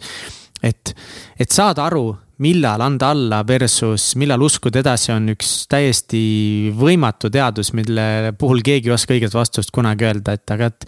mis sa nagu arvad, kust see usk nagu tuleb või kui oluline see usk nagu on või kuidas üldse seda, kuidas seda usku toita, et see ei sureks ära, et see ei närbuks kokku? no, no vaat mul, ma arvan, nagu minu puhul on see olnud, et mul on see nagu selle see nagu visioon, meil ei olnud küll nagu suurt äriplaani algusest, aga see visioon sellest äh, on olnud äh, ikkagi olemas, et kuhu ma tahan, et see ettevõte jõuaks ja kuhu see bränd võiks jõuda. ja mis seda on nagu toitnud, on võib-olla see, et ikkagi, kui me nagu vaikselt hakkasime neid plaane tegema ja ka noh, brändi me mõtlesime või mõtlesin ikkagi üsna nagu selgelt Äh, läbi. et siis see on nagu, et see on tegelikult nagu järjest läinud plaanide järgi ja ma, sa olen aru saanud, et äh, teised inimesed usuvad sellesse kohutavalt palju. Äh, mõndadel hetkedel nagu kõvasti rohkem kui mina ise. ja see nagu ja see ka on toitnud seda, et kuidas ma olen jälle nagu ker- või nagu rasketel hetkedel edasi äh, saanud minna. lihtsalt see teiste inimeste usk no teiste inimeste usk ja toetus ka just, et see on äge asi, et kui vahepeal on nagu lähen ise, et, et noh, muidugi, et ma, et ma ise vaatan ka, et kui ma kõrvalt vaatan, ma vaatan, issand jumal, no täitsa nagu, täitsa kihvt asi. Aga et siis mõnikord noh, ongi, et ma kuulen, kui ise ma sellest ei räägi oma ettevõttest, aga et äh, teised hakkavad rääkima, et kas sõbrad või tuttavad või täitsa inimesed, kes äh,, kes ei tea mind. Et nad on kas casting ul käinud või et äh, mõtle selline ettevõte nii äge, et äh, ja nii edasi, et, et siis see on ka jälle selline tekitab, et ah, midagi vist on äh, õigesti läinud või tehtud mm, -hmm. mitte mm -hmm. läinud, vaid tehtud. aga mm, raske jah, nagu et selle on, no vot, seal on eriti kui see sitt tuju on ja mingi raske päev mm. olnud, vaata nagu nii lihtne on, kui ju tunda, et ah mm. persse noh. no minul on lihtsalt see on äh, minul kõige keerulisem asi olnud, et äh, õudselt nagu lihtne on äh, tulla selle juurde tagasi, et ah, kuule, ma olen lihtsalt nagu keskmine inimene. Äh, mul ei ole mingisugust äh, tausta, et ma ei saagi nagu suuremalt läbi lüüa, et see ongi see, et ma saangi nagu hakkama selle nagu asjaga ja et, et, et minna nagu edasi on, et seda mindset'i on hästi raske olnud. no ja miks muuta. just sina? Miks sina peaksid mm -hmm. saama mingiks ja. Euroopa suurimaks äh, casting agency ja. modelliagentuuri juhiks, mis, mis, mis üli... sulle antud on, miks sa peaks Just. olema? ja see on üli. ja see on üli ebatõenäoline ka ju, numbrid mängivad su vastu uh.... statistiliselt ju läbilöömine, väga keeruline. see on täiesti võimalik, jaa ei no jaa, aga nagu sa võid endale öelda, et võimatu on ka, et võimatu on, on ju. ei no ongi ja siis on hästi palju lihtsam on ju seda öelda, et äh,. ah, mis mina ja. mis mina ja, et annab siis, lõpetab ära aga mis sinul aitab äh, seda mõttemustrit muuta või see on ka minu meelest see on selline, see on lihas. Mina ütleksin, selline suurelt mõtlemine iseendasse ja suurtesse visioonidesse uskumine on lihtsalt lihas, et sa pead seda lihtsalt pidevalt tegema ja selle peale palju mõtlema Äh, et, et mina täitsa hakkasin kuulama mingi hetk, kui mul olidki nagu, tegelikult see oli eriti nagu tugevalt, äh, kui Covid algas, äh, kus oli jällegi see, et küsimus, meil oli just hakanud niimoodi minema, et meil näitlejad reisisid nagu igale poole maailmas põhimõtteliselt saatsime, noh, et me ei olnud enam seotud ainult Eesti produktsioonidega, vaid me olimegi siis, kui rääkida sellest casting'u talendi poolest, et et meil tulid päringud sisse a la Aasias oli seal üks äh, autoreklaam, et saatsime, inimesed läksid reisisid Hiina või äh, äh, you name it, on ju. tegelikult kujutad ette, päris pöörane Aasiast võtab keegi ühendust -hmm. teiega, et palun aidake meid. vaata neile oli see, et ja jälle see oli see küsimus, kuidas see nagu oli bränding tehtud ja turundus, sest tegelikult noh, neile on kahjuks see, et neil ei ole vahet, kas äh, neil on Euroopa. ahah, siit, need on Euroopas, võtame neilt, on ju noh mm -hmm., et kui Euroopa sees on ikkagi täna loomulikult, et äh, kui ma just siin rääkisin ühe produtsendiga, kes ta ütlebki, et sorry, et äh, et äh, ikkagi ma lähen nagu Pariisi agentuuri juurde äh, mingite nagu suurte-suurte töödega ja ja et mul, ma ei, ma ei saa veel eelistada nagu äh, agentuuri, mis on äh, noh, baseerub on ju äh, Eestis, kui ma otsin nagu mingit äh, äh sellist nagu äh, ülimixed Euroopa look'i, et äh, kuigi see on täpselt, et tegelikult, ühesõnaga, see on juba pikem teema, et tänapäeva nagu maailmas e, e-casting'u maailmas ei ole vahet, kus sa nagu baseerud agentuurina see on teine teema aga jaa, et ennem Covidit hakkas meil just niimoodi äh, minema, et me ei olnud enam sõltuvad Eesti produktsioonidest ainult mm. -hmm. ja siis buum, äh, tuli on ju Covid ja siis oli jälle see esimene või, või teine kord, kus ma nagu tõsiselt mõtlesin, et okei okay, et mis aga siis ma korra teha? nüüd peatan siin, et ongi, teie Covid tuli, et siis, siis teie valdkonna jaoks, siis, siis põhimõtteliselt, mida see siis täpselt tähendas kogu valdkonnale ja kuidas see siis mõjutas teid? No see tähendas seda, et äh, see casting'u talendi pool oligi äh, ainsad nagu noh, esi-, mõni, mõni kuu ei tehtud, on ju absoluutselt mitte midagi ah,. põhimõtteliselt ju kõik, ühesõnaga nagu mingi filmid, sarjad, reklaamivõtted, ühesõnaga igasugune võtete tegemine lõppes ära lihtsalt mingiks ajaks ja -hmm. tähendab, et ei ole ka inimesi vaja sinna võtetele ja. no just, üks asi oli okay. see, et see lõppes ära äh, teisalt pikem aeg oli see, et need võtteid hakati tegema küll, Eesti firmad hakkasid tegema edasi mingeid nagu Eesti siis klientidele kas siis ka mõned mängu, paar mängufilmi, ülivähe, mis siin tehti ja siis äh, reklaame. aga neid olidki, need olid väiksed-väiksed tööd. Äh, aga kõik nagu välisproduktsioonid, keegi ei reisinud enam et väga huvitav on vaadata, kui ma vaatangi, mis seal on noh, ilmselgelt, et mis on näiteks Soomes või Saksas on ju toimunud casting'u talendiagentuuridega nendel Covidi aastatel, siis nende nagu käibed on läinud täiesti lakke, sest äh, kui varem on ju kõik produktsioonid eelistasid ära reisida nendest riikidest äh, mujale tootma, siis äh, nüüd olid nad kohapeal ja vajasid kohalikku casting ut mm. Ja Eesti oli siis ja meil oligi noh, et me ei teinud ei nagu käinud välisproduktsioonid siin ja samuti siis äh, ei tahetud lennutada väljaspoolt sisse näitlejaid ega talente nii-öelda. ja noh, kõrval see on juba nagu on ju teine osa, et meil oli ka veel või noh, meil on veel modelliagentuur, seal samamoodi keegi modellidest ei, ei reisinud, kõik riigid olid lukus noh, siis ongi, et aga mis ja kui modell ei saa äh, reisida, see tähendab seda, et ta ei saa minna kuskile pildistama, tähendab, et tema ei saa tasu, teie ei saa tasu, eks ole. no just mm. -hmm. Mm -hmm. ehk siis tegelikult oli see selline üsna nagu nulliring seal äh, mõnda aega ja siis ongi, et mis sa siis teed, kui just oled endale tegelikult võtnud tiimi äh, kellega siis seda asja nagu edasi viia, sest äh, on ju otsus tehtud, et seda, et arendame seda nagu päriselt, päriselt mm. -hmm. ja et, et siis oli küll selline tunne, et noh, oligi, et mõtlesin, et okei okay,, mis siis saab, et kas lõpetada ära siis või minna edasi no kas sul tuleb mõni kõige nagu mingi hullem päev ka meelde või, või kuidas sa nagu emotsionaalselt läbi elasid seda põntsu? see nagu, ma sel hetkel, mul, mul tekib nagu mingi hasart, et kui on ikkagi nagu takistus teel, siis äh, noh, täpselt, et sel hetkel ma mäletan ka, et ma ütlesin, et ei, davai, paneme hoopis nagu äh, seda auru juurde ja läheme hoopis edasi, noh, seal äh, tegimegi nagu kõvasti äh, töid, mida me muidu ei ole jõudnud teha kogu tiimiga. Ma kogu tiimi jätsin ka nagu äh, alles. ja noh, seal ühesõnaga me arendasime kohutavalt palju seda tegelikult firmat selle aastaga aga jällegi, see on see mõnes mõttes see nagu vist see mingisugune uljus, et ma läksin peale mm, -hmm. et äh, kui see otsus on tehtud, siis äh, nii, läheb edasi.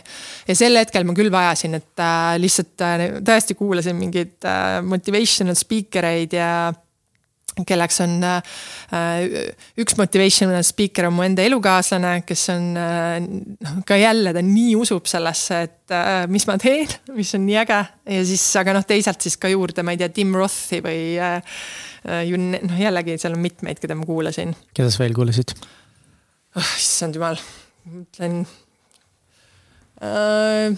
ma kuulasin igast selliseid USA natukene, natukene liiga isegi äh, võib-olla commercial eid äh,. ja mis see on hea, minu arust väga paljud commercial tüübid on commercial'id, sellepärast nad on lihtsalt head. aga Tim Roth on, selline, oled kuulanud või? ei ole, kunagi ei ole kuulanud Tim Rothi, ma olen nagu kuulnud temast rahulik, aga väga. aga sa ikkagi nagu ütlesid jah, et okei okay,, et sa võtsid selle, et jaa, ma panen nagu edasi, ma ei anna mm. alla, aga, aga enne seda sul kindlasti oli ikka mingeid hetki, kus sa olid nagu võib-olla mingis ahastuses või pisarates või mõtlesid, et kurat, et kas ma panen kinni või mitte. Oli sul selliseid hetki um,? no mainisid mingit kirja kirjutamist ka.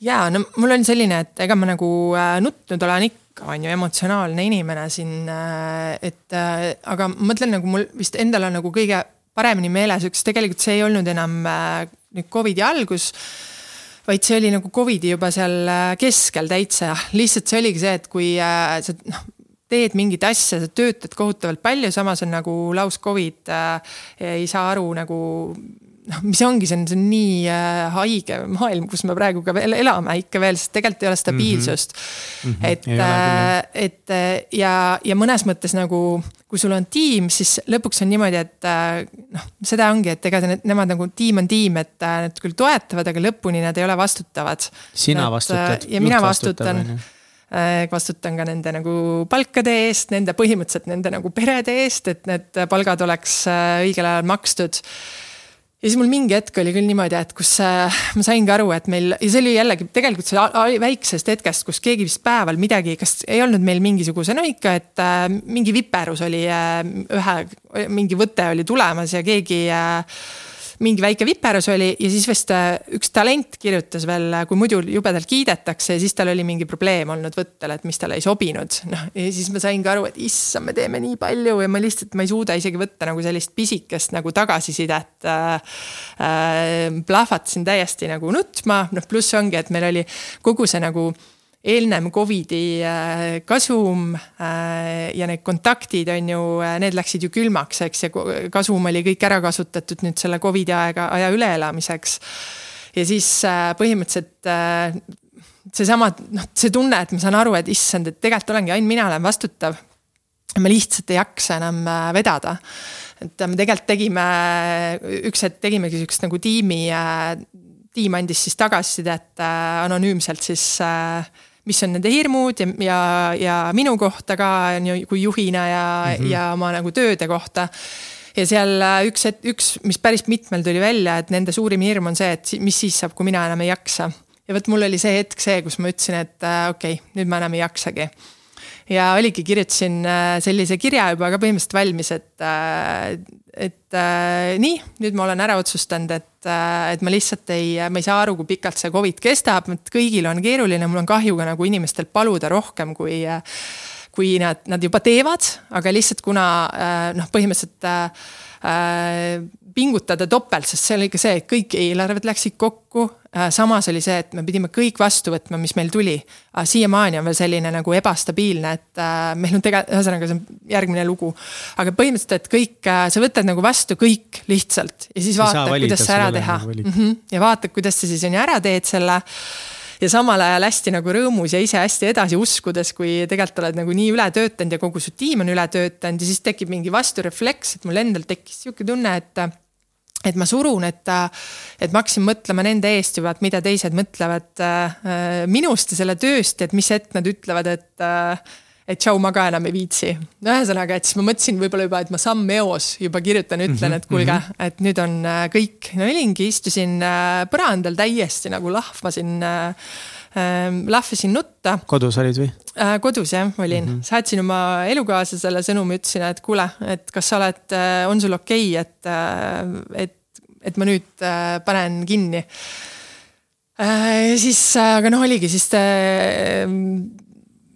oligi, et kiri oli valmis kirjutatud, no ja ei saa no,, ei saa send vajutada, siis mõtlesin, et okei okay,, ma ootan ära oma elukaaslase, koju tuleb et ma räägin temaga veel ära, sest noh, sel hetkel oli, ta on produtsent ise, siis äh, tema, temal olid ka tööd olid põhimõtteliselt nullis, sest ei, keegi ei tootnud midagi ka, eks ju. või noh, nullis ei olnud, aga oli vähem. et lihtsalt see tähendas meie perele ka, et mis me peame siis nagu vaatama, et äh, siis peab ruttu nagu üldse mõtlema ringi, oma asjad ka ja siis. selleks hetkest teil oli juba kaks last, eks ole. meil oli kaks last ja no see oli ka see teine, et ma sain ka aru, et nagu noh, ikkagi on see nagu küsimus, et äh,. et kuidas nagu tasakaalustada seda, et kui sa teed karjääri, et kuidas sa ikkagi saad olla nagu veeta aega oma perekonnaga ja olla oma äh, lastega koos mm. -hmm ja samas nagu Covidi aeg ja nüüd see ja mõnes mõttes see nagu just nüüd see viimane periood, kus ongi noh, töid on tegelikult hakanud tulema, aga sa tegelikult ei saa aru, mis toimub ja sa töötad lihtsalt kohutavalt üle Äh, siis tekibki see, et, äh, et, äh, et noh, kuidas seda kõike nagu toimima panna või et kas seda üldse saab panna toimima. aga et miks ma siis seda kirja ära ei saatnud, sest ega ma ei saatnud, on ju mm. -hmm. et siis noh, ikkagi nii ongi, et hommik on õhtust targem, ma ütlesin, et magan välja, nutsin täiega palju, jõin veini ja, ja läksin magama ja hommikul äh, ja mul on mingi naljakas asi, et kui ma lähen nagu kontorisse või agentuuri, siis äh, ma olen kodus olema nagu selline ema ikkagi, on ju. ja nii kui ma lähen nagu sealt kontori uksest sisse, siis ma vaatasin, ma olin üksinda, siis ma vaatasin seal äh, ruumides ringi no see ongi, see tundub nagu klišee, aga põhimõtteliselt ma vaatasin, issand jumal, et nii äge asi ja samal ajal nagu vaatasin kõrvalt, mis meil, mis meil nagu, mis me üldse oleme ära teinud, vaatasin meie nagu veebilehte. siis äh, samal ajal meil äh, siis Johanna, kes meil on tiimis, teeb põhimõtteliselt koos siis mõtleme ka, kuidas nagu marketingi teha, vaatasin, tema seal toimetas äh, kodukontorist, aga vaatasin, kuidas jälle mingit, oli ette valmistanud mingid newsletter'id. Äh, mis meil seal Instas just toimus, vaatad, issand, nii äge asi ikka, et kurat, peab olema mingi nagu võimalus veel.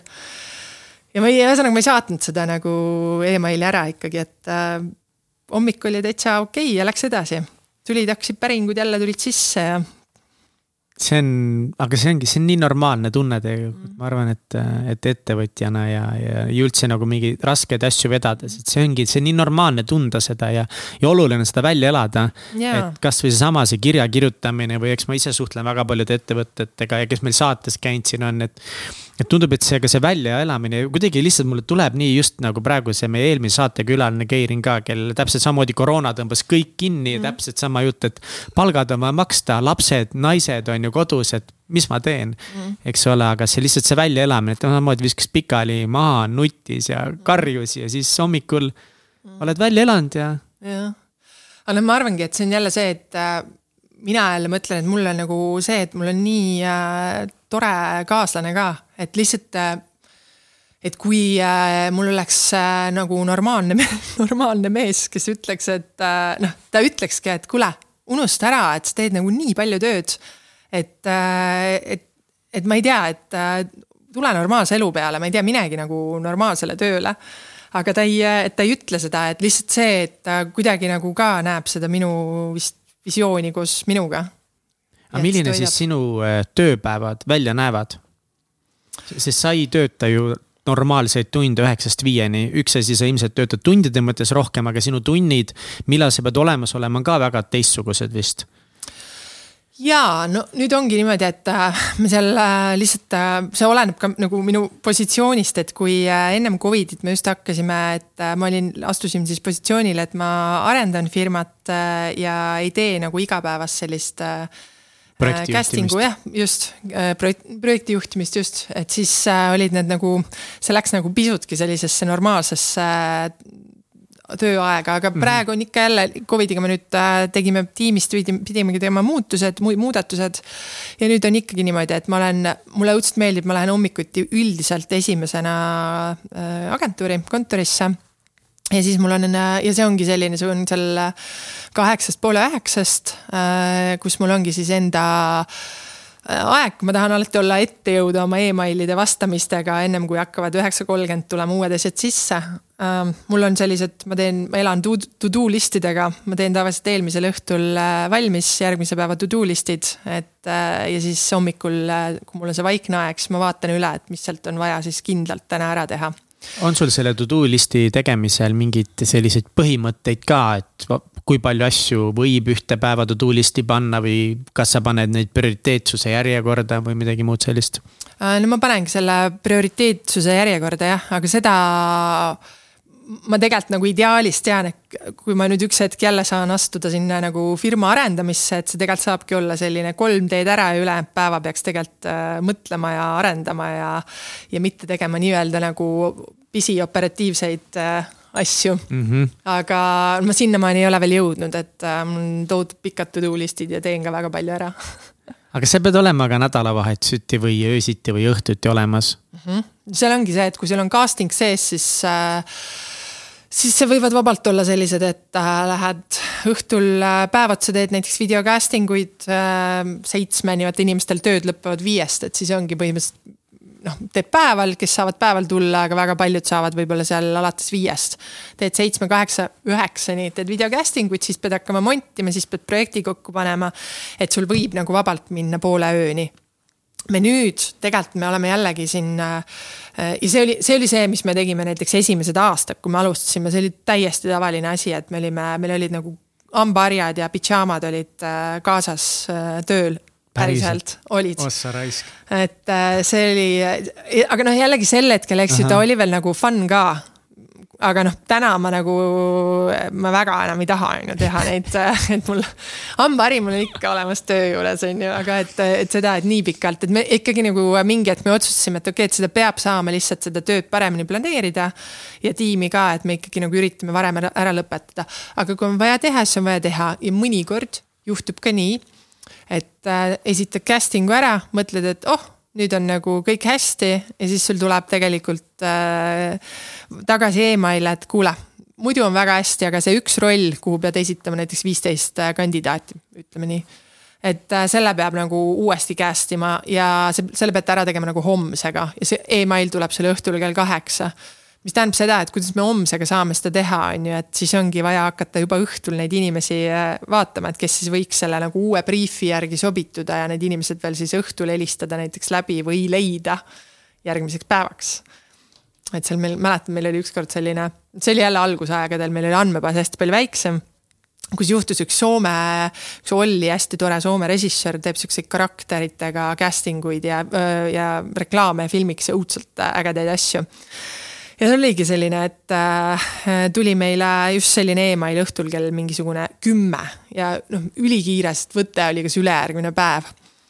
siis mõtlesimegi, no issand, siis olimegi, istusime seal Niine tänaval olime sel hetkel veel, istusime köögis Kärdiga koos, et täiesti lõpp nagu onju. kirusime, vandusime, mõtlesime ühtegi tööd talle enam ei tee, noh õudselt tegelikult meile meeldis see režissöör, aga et, et ta on tõesti hull, kuidas ta mõtleb, et me saame järgmiseks päevaks aga jälle see nagu mingi mentaliteet ka, et aga mis siis saab, kas ma ütlen ei, et ma ütlen, et ei saa või, no ikka saab, no peab saama, on ju. ja siis hakkasimegi äh, jälle sõime ära, hingasime sisse, hakkasime siis otsima järgmiseks päevaks, sel hetkel ma ütlen, meie andmebaas oli põhimõtteliselt olematu, meil ei olnud inimesi niimoodi kaardistatud. Ja siis oli ikka vist oli, kas oli Facebook oli siis ikka juba jah, ikka oli niimoodi, et me hakkasime, seal oli muidugi naljakas, et meil oli vaja mingeid viieteistaastaseid poisse on ju siis me hakkasime kirjutama seal Facebookis, nii et vaatasime profiili, profiili pildi, pildi järgi, et tere, tere, kuule, mis sa teed, et kas sa saaksid tulla äkki juba ka kohe Niine tänavale meiega kohtuma? Või siis järgmine hommik mingisugusel kell kaheksast. aga no põhimõtteliselt, kui sul saadavad mingisugused oh, inimesed see... nagu öösel. mis see on, see veebikonstaabel Ander oleks pidanud seal kohe laivi lendama. Nii et äh, aga no ei, ei, aga et eks me nagu mõjume, panime kogu teksti, kes me -hmm. oleme, mõjume mm -hmm. usaldusväärsemana, aga ise olime küll sellised, oh my god, mida me teeme oh,. see on päris hea story, aga saite või? saime, saime. panite ära jah? jaa, väga hästi aga mis läks. hinnaga, mis hinnaga sa oma elus teed sihukest äh,, sihukeseid tunde, sihukeseid tööd, nagu kuskil sa pead maksma seda mm? -hmm. millega sa, millega sa maksad? äh,? esiteks, ma praegu, nagu ma ütlesin, et nüüd on äh, see graafik äh, normaalsem, aga ma arvan ja ma arvan, see asi, mis mul nagu elus on veits pekki ka läinud, kui see saade on, on ju, pekkis. et äh, ma olen mõelnud, on ju, et üldse, et äh, noh, ongi, et mis hinnaga me oleme teinud, et ma arvan, et minu hind on see olnud, et mingi hetk ma, ma tegin ainult tööd, ma tulin Itaaliast, hakkasin tööd tegema Äh, lapsed tulid ka, äh, ma põhimõtteliselt äh, ja sel hetkel ma isegi ei näinud, et mis mõttes ma ei tee tööd või et mul meeldib see, et mis mõttes ma lähen kusagile et tegelikult see, et ma ei käinudki, ma, ma ainult tegin tööd ja mulle, ma nautisin seda, ma ikka naut-, naudin äh, oma nagu tööd tohutult ja see on nagu ka osati nagu hobi või noh, see on põnev, on ju. aga tegelikult sel hetkel, kui äh, oligi seal nagu vaata kahekümnendate aastate, no oli kahekümnendad, mina olin siis kahekümnendate seal äh, lõpupool. siis tegelikult kõik seltskonnad tekkisid sel hetkel, inimesed käisid väljas, sotsialiseerusid, tekkisid mingid uued äh, nagu pundid või nagu mm -hmm. tugevdati suhteid siis mina olingi nagu esiteks ülikooli sõpradega, kes mul siiamaani on, ma tean, et ma saan neile helistada, ma tean, et mul on nagu, mu selg on nagu kaetud aga põhimõtteliselt äh, sel hetkel, kui äh, olingi, ma olin ära Itaalias ja siis tagasi tulles ka ma ei pannud prioriteediks kindlasti mitte oma nagu sõpradega väljas käia, et ma mingi hetk lihtsalt vajusin puntidest äh, välja. et täna ongi, et, et ma arvangi, et see võib olla nagu üks see hind, et äh, et mul on väga-väga head äh, lähedased sõbrad, aga et äh, ja mul on sellised inimesed, kellega ma tean, et äh, nad tulevad ükskõik mis hetk.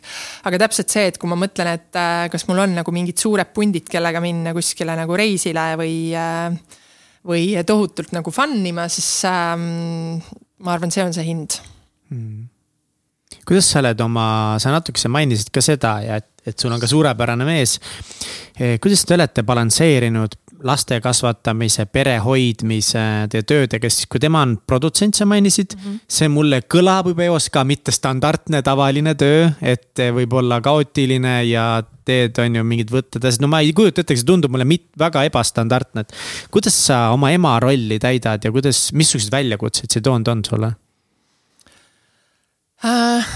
no ema rolli, et no lihtsalt kõik see aeg, mis ma olen äh, lastega, olen ma nagu lastega, et kui ma lähen õhtuti koju äh, ja noh, see oligi see, nagu ma ütlesin, et see oligi see, miks ma ikkagi pidin seda nagu tööd, isegi kui see on nii hullumeelne, et seda graafikut saama selliseks, et kui ma õhtuti lähen koju ja see on siis seal äh, võib-olla nagu viiest-kuuest, kui on, kui ei ole mingeid ootamatusi, et siis ma niikaua, kui nad magama läheb, mul ei ole nagu läpakaid ja mul ei ole telefoni äh, läheduses. et ma tegelen siis mm. nendega ja kohe, kui nad siis magavad, siis mul läheb jällegi ikkagi enamasti läpakas lahti ja teen oma asju edasi äh,. siis noh, ja ongi, siis on mingid nagu omad rutiinid ja rituaalid, mis lastega ongi, et a la ma loen neile alati, et siis see on nagu see kvaliteetaeg, siis meil on seal mingisugune mäng, et äh, kõik räägime, et mis on või noh, lastega, et mis on päeval hästi läinud, mis on halvasti läinud, et nemad ka õpiks seda, et see on okei okay,, kui läheb halvasti et äh, kui halvasti, et see peabki minema, aga siis sa mõtled, et kuidas neid asju lahendada. see on sihukene asi no,. mis on mõned asjad, mis neil halvasti läinud on, tule meelde, mis, mis on see, mida üks väike laps mainib, et läks halvasti täna? no tal põhiasi on, äh, mis, kui halvasti läheb, on see, et ma jõudsin liiga hilja koju, et ta sai liiga vähe olla minuga Aa. koos mm. -hmm. kuidas see paneb sind tundma? No ikka mõtlen, äh, järjest rohkem mõtlen, et kuidas seda nagu graafikut sedasi ja nagu isegi mitte graafikut, vaid pigem nagu seda närvipinget, et kuidas seda maandada, et äh, mis. Äh, see on tehtav, aga et mul tundub, et selleks on nagu jällegi, see on nagu üks ring, et selleks, et seda nagu maandada, on vaja seda nagu. või ma tahaks, et see ettevõte oleks suurem ja samuti, et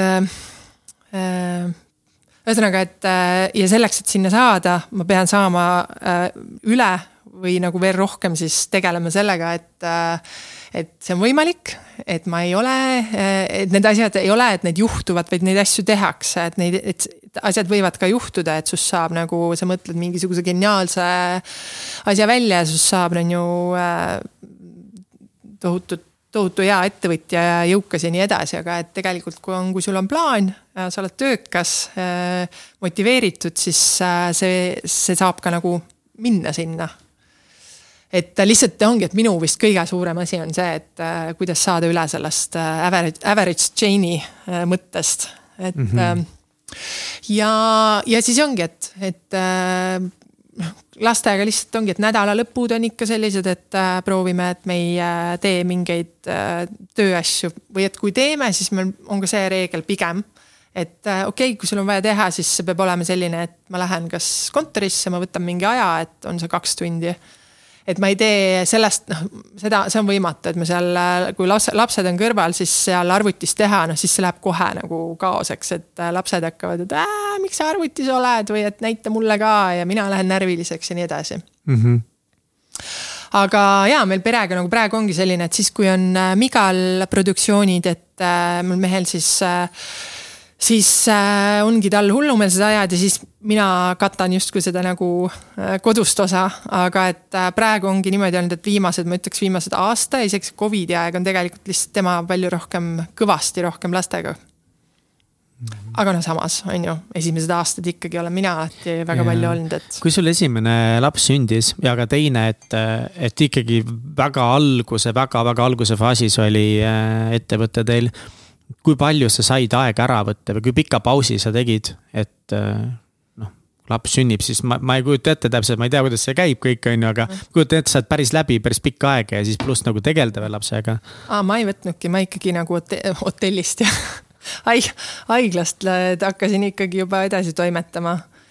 et äh.... täiesti crazy lihtsalt aga jaa, aga see oli nagu. läppar süles haiglavoodis. no vot, seal oligi selline, et selle nagu esimese lapsega ma ikkagi võtsin seal mõned päevad, on ju äh,. ma mõtlesin, et äkki mõned ja. kuud ei, nii palju mitte. ja siis teise lapsega ma olin juba nii tark, et ma olin loonud sellise või lõin sellise ülimõnusa süsteemi ikkagi, mis oli, see laps oli mega õnnelik, sest ta teadis, tal oli hea rutiin ja oligi, et äh, kui olid uneajad, siis äh, noh, oligi, et kõik ajad, mis ta oli väga pisikesena üleval, siis ma olin temaga, aga et siis nagu näiteks selle kärutamise aeg, mis, äh, kui teised emad käivad kuskil kohvikutes, siis mul oli siis endal äh, hoidja, keda ma olin treeninud, et lihtsalt ainult kärutamist ajaks, aga noh, need olid kaks tundi on ju alguses või isegi rohkem. Mm. -hmm et siis sel ajal ta kärutas ja kui laps ärkas, siis ma võtsin jälle lapse äh, üle. Ja vaata algus on noh, nad magavad nii palju ja siis oligi, et ja siis sealt edasi, kuna mul oli selline hästi hea süsteem, et ma teadsin alati, millal laps nagu, millal, mis, ta ei nutnud kunagi, sest tal olidki söögiajad olid õiged, millal tal oli vaja seal asju vahetada, millal ta magas. Ja et siis kõikidel seal olid nagu mul need ajad, millal ma teadsin, ma saan tööd teha, nii et ma siis olin pannud niimoodi, et kõik mul teadsid, et okei okay,, ma saan vastata nendel kellaaegadel, nendel. Ja oligi sihukene nagu schedule oli, tiimil oli ja, ja, ja mul endal, et et äh, see aitas õudselt äh, palju. aga noh, muidugi jällegi see, et, äh, et ega ma nagu öösiti ikkagi magasin vähe, et selles mõttes, et see võttis nagu hullult läbi, aga noh, see on unustatud juba aga kuidas sa taastusid sellest või kas sa pidid võtma mingisuguse puhkuse või pausi äh,? no ei äh,, ei ole võtnud sellist, ma ei ole saanud, aga et ma arvan, see viiski, et mul ikkagi selline nagu väike burnout siin oli nüüd Äh, selle ähm, ja mis oligi see, selle aasta algus või, et siis ma läksin küll esimest korda üle vist kümne aasta, ma läksin äh, Costa Ricale niimoodi, et või noh, reisile, et ma olin äh, olingi ühe kuu täitsa üksinda, ilma lasteta, ilma kaaslasteta, ei reisikaaslast ega meest ei olnud, olin täitsa nagu üksinda, töö oli off ja et seal vist taastusingi ära lõpuks. ülitubli mm, -hmm. nii lahe, väga vinget sa tegid, ma täiega usun üksi äh, reisimisse või nii-öelda nagu noh, ongi üksi ära minemisse, et see reisimine ja. nagu selle, nagu see, sa ei lähe sinna otseselt reisima, vaid sa peadki minema üksi olema ja akusid laadima. aga mis see siis katalüsaator oli, et kui halvasti sa pidid ennast tundma, et sa pärast kümmet aastat esimest korda sihukese asja ette võtsid? No see oli umbes tegelikult seesama aeg, kus mul oli seesama, et ma hakkasin kirjutama seda kirja ka mm, -hmm. et okei okay,, ma nüüd enam on ju ei jõua ja, ja nii edasi. Äh, no ikka tekkisid need, no mina ei teagi, mis need täpselt kõik sümptomid sellel nagu burnout'il on, aga ikka see, et kus oledki no, voodist ei äh, üles ei tõuse ja oled nagu paar päeva teki all ja äh, mingit nagu ühtegi päeva ei lähe, kus naerataks põhimõtteliselt või tähendab, et ühelgi päeval ei naerata enam ja ei, nagu noh, lihtsalt nagu täielik isu kadus kõige tegemiseks ära. et äh, sealt tuligi siis, et äh, olgu kui raske see reisimine praegu tahes, et, äh, et aga vot pean kusagile sooja päikse kätte saama. mis sa tegid seal ja kuidas sa nagu selle kuu aja enda jaoks ära sisustasid ja mis sa ja, ja mida see tegi sulle mm,? issand, see oli nii mõnus, mul oligi, et äh, mul oli alguses olid sellised nagu võõrutusnähud reaalselt tööst ja emailidest, et äh, mul oli nagu mäletan, sealt tegin õega, tegin äh, kõne, ütlesin õele, et äh, issand, ma ei saa, et mul on nagu isegi nagu füüsiliselt nagu mul tekib nagu nagu paha ja väiksed nagu värinad, et ma ei saa nagu emaili, ma ei vaata, ma ei saa midagi teha, ma olin teises ajastsoonis ka, aga et see oli kuidagi nagu füüsiliselt täitsa nagu imelik. Äh, et siis oligi, aga see oli nagu sihuke paar-kolm päeva ja siis ma sain sellesse moodi, et tegingi, olin hommikul ärkasin, siis tegin rõduks oli mul lahti, siis seal need troopilised linnud laulsid siis mul oli, äh, läksingi äh, ennem hommikusööki läksin, tegin äh, väikse, kas siis jooksu või siis jooga, ujusin. siis olidki nagu need rutiinid, mis seal olid, mingid söögid ja, ja siis oligi lugemine, kõvasti lugesin ja, ja siis äh, tegin mingeid nagu, mida mul ongi see mingeid iluprotseduure, üksinda, mul läks nii kiiresti see aeg.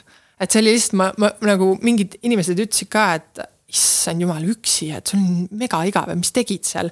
mul olid esimesed neliteist päeva, mul oli niimoodi, et kui keegi tuli, tahtis minuga juttu ajada, siis ma lihtsalt mõtlesin, et ma praegu ei jaksa lihtsalt muidugi. ja, aga siis pärast kahte nädalat tekkis ikkagi, et inimesel tekib sihuke nagu ikka väike seiklusimu, et siis ma hakkasin sealt nagu rannikut mööda alla tulema.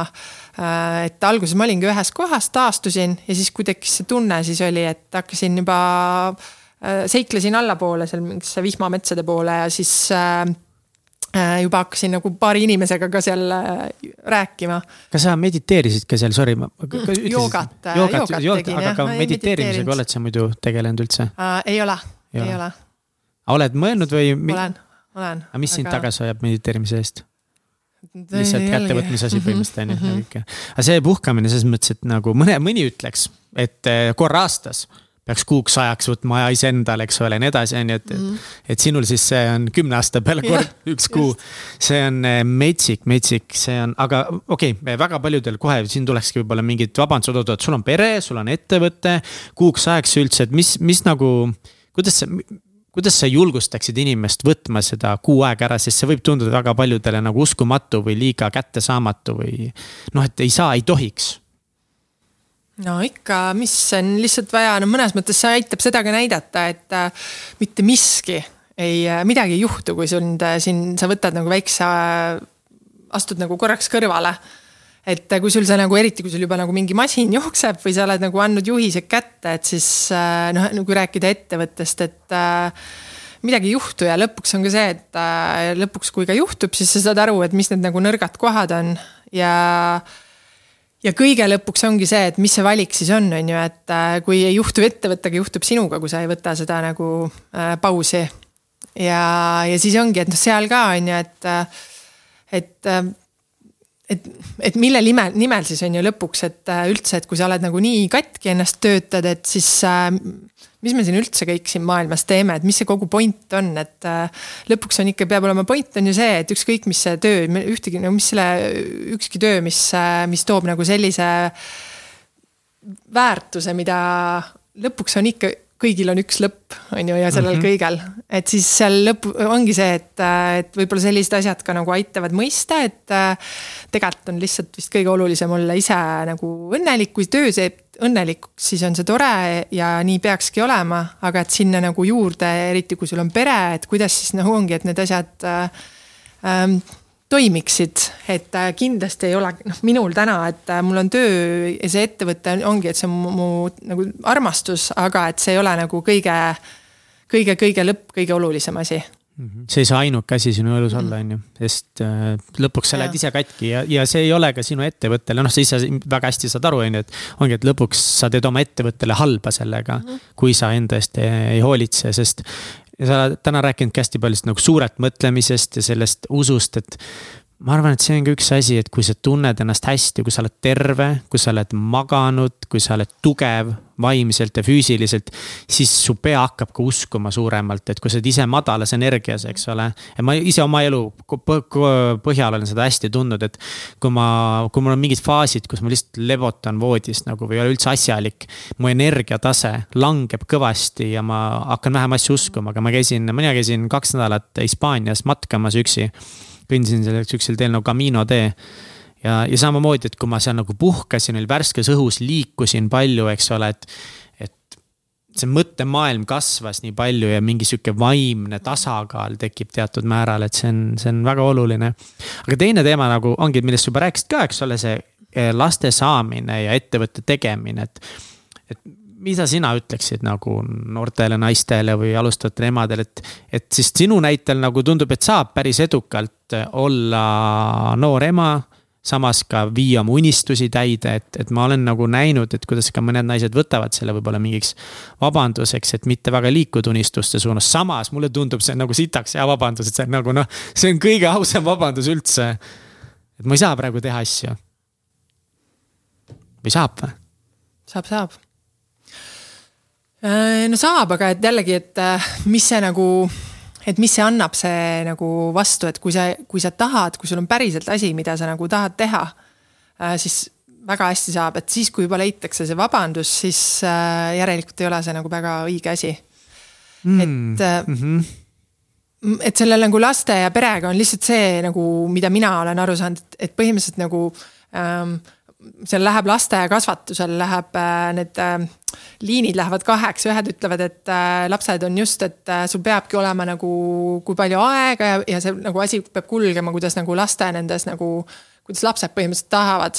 aga mina usun ikka täiesti sellesse, et lapsel on vaja rutiini ja äh, graafikut, et kui äh, noh, mitte muidugi alati, aga et täpselt, et aga et see on ka asi, et kuidas tegelikult, kui nagu päriselt nüüd küsida, et kuidas siis äh, saab teha.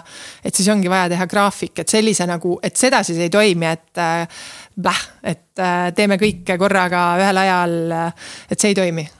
aga kuidas see toimib, mida tähendab graafik? Äh, täpselt see, et sul on noh, kui sul on väiksed, väiksed lapsed, et sellel lapsel on, tal on uneajad graafikus, söömisajad, mingisugused noh, ma ei tea, võib-olla mingisugused huviringid ja siis ja lisaks ehk siis sa tead täpselt, mis ajad sul päevas on planeeritud, millal on vaja üks asi on, kas sul lapsega tegeleda või siis teine asi on see, et kui sul on abi, mis on, olgu siis vanemad, vanaisad lapsel või siis hoidja siis äh, lihtsalt on see, et lastel on hästi, nad on, tunnevad ennast kindlalt, et isegi kui nad ei ole emaga koos, siis äh, kui neil on rütm ja graafik, siis neil on, äh, nad on kindlad, et kõik läheb plaanipäraselt. ja et, ja seda lihtsam on näiteks lapsi ka näiteks vanamadel, vanamadel vanaisadel hoida et nad, neile on antud ette, et näed, et siin on umbkaudne see päevaplaan, et, et selle järgi peaks siis minema see on päris hea nõuanne, sa oled sõna plaan maininud ka täna väga-väga mitu korda. et kui planeeritud sa oled, kuidas sa teed plaani, et, et ühtepidi sa oled öelnud, et sa teed igal õhtul, teed järgmiseks päevaks to do list'i, mis aitab sul siis järgmist päeva nagu juhtida. aga milliseid plaane sa teed, kuidas sa sead plaane, kui pikkasid plaane sa sead? Äh, no ettevõttega nüüd ikkagi on sellised kolme aasta plaanid on äh, äh tehtud, aga ma ikkagi luban nagu kõvasti sellist improvisatsiooni sinna ka sisse. aga et, et see aitas kõvasti, kui nagu tõesti sai plaan pandud ja siis äh, neid plaane vaatan siis üle. et kuidas me sinnani liigume iga kahe kuu tagant. Äh, mulle meeldivad tegelikult, äh, mis on naljakas, ma olen nagu selline, et mulle, mulle, mulle meeldib, et ma lähen nagu flow'ga. Aga tegelikult mulle meeldib, et Ehm, plaanid, mulle meeldivad, mulle meeldib kord, aga et äh, samas nagu on jah, ma ei tea, mingid äh, kui ma teen lihtsalt kui näide, et, äh, et see ei ole nagu üks-ühele, et kui mul on A4, et siis ma ei, ma ei kirjuta selline, et vasakust paremani ilusasti sirge, sirgel joonel justkui. et seal on nagu kritseldused, päikene joonistatud ja nii edasi, aga et nagu et äh, üldjoontes mulle ikkagi nagu ütleme nii, et laias laastus mulle meeldib plaan, mulle meeldib teada, mis äh, juhtuma hakkab mm. -hmm. ja mis sinu plaan on? mis on see suur visioon, kuhu sa jõuda tahad? suur plaan, mitme kolme aasta plaan, mis on suur visioon ma vist tahaks selle nüüd tegelikult äh, nagu see kõige suurem, et kuidas leida see nagu tasakaal, et olla siis leida iseennast täielikult üles ja võib-olla leida ka nagu rahu sellele minu äh, sellele ülitöökusele ja püüdlikkusele. et äh, noh, nagu me teame, eks ju, et äh, töö ei saa kunagi otsa, ettevõtted ei saa kunagi arendatud. valmis. valmis on ju, tähendab arendatud saavad, aga valmis ei saa, on ju. To do list'id ei saa kunagi otsa, et lihtsalt, kui ma olen selline, ma tean, et ma olen nagu natuurilt üli äh, äh, noh, ongi, et ma tahan nagu rohkemat, kui mul äh, olen juba teinud, et kuidas leida see mingi nagu tasakaal, et jõuda nautida, nautida elu ka ja perekonda. et see on selline nagu, et selline nagu rahu, rahu leida. aga ettevõttena, oh, siin veel, siin veel areng, areng algab. mis see tähendab? Äh, meil ongi nüüd, meil hakkame arendama ühte uute riiki avama äh, filiaalikest, et ähm, praegu seda rohkem ei ava siin, eks ju, aga okay, et okay,, okay. et see on siin väga lähiaja äh, teema wow.. ja et äh, sealt edasi, siis see on juba meil ka, no jälle ma ei saa kahjuks neid, neid asju avada, aga et selline, et saaks nagu Euroopasse seal äh, just nimelt, et Euroopas vägagi tuntud brändiks, siis mm -hmm. seal on ka samme juba astutud tasakaal on, on veider asi. ma, ma arvan, et tasakaal on üks siukseid läbivamaid teemasid meil mingi esimesest saatest enam-vähem peal, kuidas see elu tasakaal on ja. ja mingi hetk mina ka nagu uskusin päris palju, et jah, et tasakaalu on vaja, tasakaal on nagu hästi oluline, et ongi, sa pead leidma selle tasakaalu oma töö ja oma eraelu suhtes ja eraelu suhtes tasakaalu nii-öelda. selles, et kui palju sa annad ära ennast teistele, oma perele, lastele, partnerile versus kui palju sa tegeled iseenda tassi täitmisega, et see enda tassi täitmine on, eks ole, see on mega oluline ja siis käivad kõik need ettevõtjad, kes on nagu oma ettevõtted üles loonud, kes on nagu rohkem alguses, kes on kaugemal, kes on väga kaugel juba. ja ma ei tea nagu, ma enam vist ei usu, et tasakaal on olemas. ma, ma ei, ma ei, ma ei tea, kas on võimalik alustada vähemalt või luua midagi mingisuguses tasakaalus, ma ei kujuta ette, mulle tundub, et nagu tasakaal ei ole elus. et, et see käib üles-alla, lihtsalt vahepeal on perses ja vahepeal on paremini. Ma ei tea ah,. seda on nagunii, et on, äh, see on seesama äh, see üks raamat, äh, mis on see, et uh, oota, et kuidas on, how to give less. The subtle art of not giving a fuck. fuck jah, no yeah. just on ju, meelest väga hea jällegi, see ütleb nagu selgelt ära, et, et unusta ära see, et kuradi it's fucking sucks ja et life sucks, et life ongi selline, et lihtsalt nagu pead aru saama, et millest sa siis rohkem nagu hooli või nagu milles, millele sa nagu äh, rohkem siis annad ennast ära ja millele mitte või mille pärast mm -hmm. sa ärritud või mille pärast mitte mm. -hmm jah, see on väga palju sihuke tõlgendamise küsimus ka tegelikult, eks tasakaal ka, et kui sa ise lepid asjadega mingil määral, eks ole, ja nagu sa ütlesid, et sa ei lase kõigel ennast mõjutada, siis. sa oled emotsionaalselt juba rohkem tasakaalus ja see ongi kõige mm. olulisem, siis kõik muu hakkab sinna nagu juurde tulema. aga mis täidab sinu tassi? Mis, mis, mis aitab sul nagu kuidagi olgugi, et no puhkamas sa ei käi, seda me teame, sa käid kümne aasta peale ühe korra. ei, ma ei käi üksi puhkamas, aga ma reisin Aa, ikka reisid täitsa ikka? ja, ja. aga käid puhkamas? no jaa, aga et noh, tihti on ka kuidagi nagu tööga seotud, aga ikka, ikka leiab see töö sinna kuidagi tee sisse. jaa, aga noh, selles mõttes, et ei, mul on väga uhked, toredad reisid ikka tavaliselt okay. Itaaliasse enamasti ja käin äh.... kas see on midagi, mis täidab sinu tassi mm? -hmm. jaa, see küll selline äh, Äh, ja, ja täidab mm. -hmm. aga mis mulle veel ikkagi äh, need äh, veeda, need, need ajad, mis ma ikkagi veedan oma nende parimate sõpradega ja oma elukaaslasega. et ja et mul kuidagi selles mõttes see on küll, et ma mingeid nagu neid, neid hetki, mis ma võtan enda jaoks, siis ma, mul ikkagi oskan neid mõnusat glamuurset äh, läbi viia, et mõnusates restoranides või äh, kuskil puhkused mõnusates hotellides ja, ja mm -hmm. nii okei okay., no siis on asi ikka parem, kui ma kartsin. ei, ei, seda ei ole, et ma kuskile ei käi, et olengi ainult siin Pärnu, Pärnu maanteel oma meil oli vanasti saate lõpus olid meil siuksed nagu välkküsimused, me enam ei küsi neid, sest me tüdisime nendest küsimust natukese ära, aga ma ühe küsimuse sinu käest küsin, et. et kui nüüd lühidkokkuvõttes, mis on edu võti?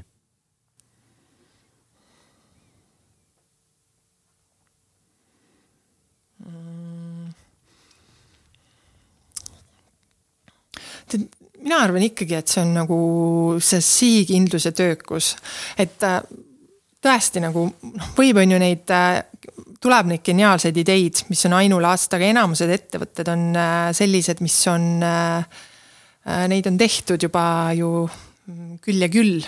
ja siis seal ongi, et kui sa oled töökas, sihikindel ja usk, siis, siis läheb.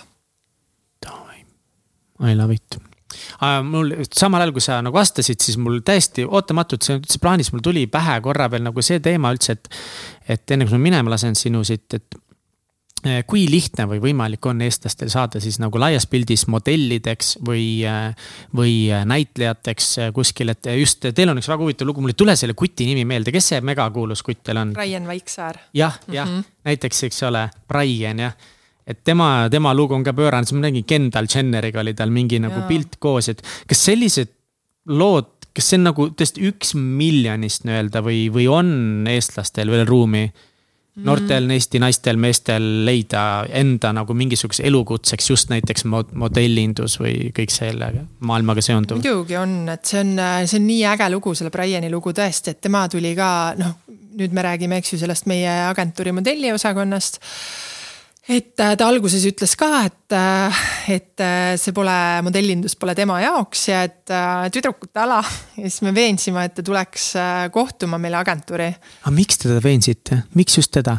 no vot oligi jälle, see on see mingisugune salapärane miski, mille tundsime ja. ära, et mingi ühe pildi põhjal põhimõtteliselt et vist on tas olemas aga see jällegi, ega see ei saanud kindel olla, kuniks nagu inimest nagu laivis ei näe ja siis ma mäletan, kui ta läks äh, sealt äh, ära lõpuks agentuurist, äh, tal oli siin, oligi tuli, siis tal oli suur naeratus, natuke isegi nagu liiga suur, on ju. ja siis terve see nagu ruum täitus tõesti selle tema mingisuguse maagilise miskiga. ja siis, kui ta ära läks ka, siis ütlesin teistele ka, et, et kui see poiss end laseb, et ta elu võib nagu kõvasti siit hetkest nagu muutuda ja seal ongi, et seal läks nagu väga vähe aega, kas paar nädalat, kolm nädalat, kui ta läks esimesele modellireisile ja. Teie siis korraldasite selle?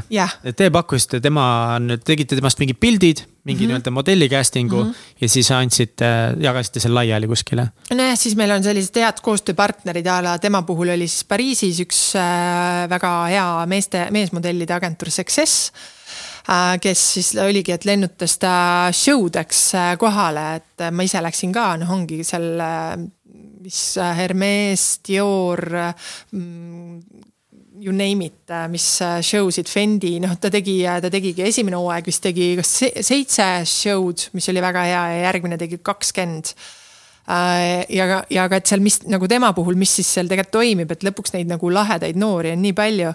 et seal juba hakkabki siis mängima jällegi see mõnes mõttes jällegi, et äh, mil-, no eks milline on su karakter, siis äh, kui paindlik sa oled, sest tema puhul on ka, et seal on nagu.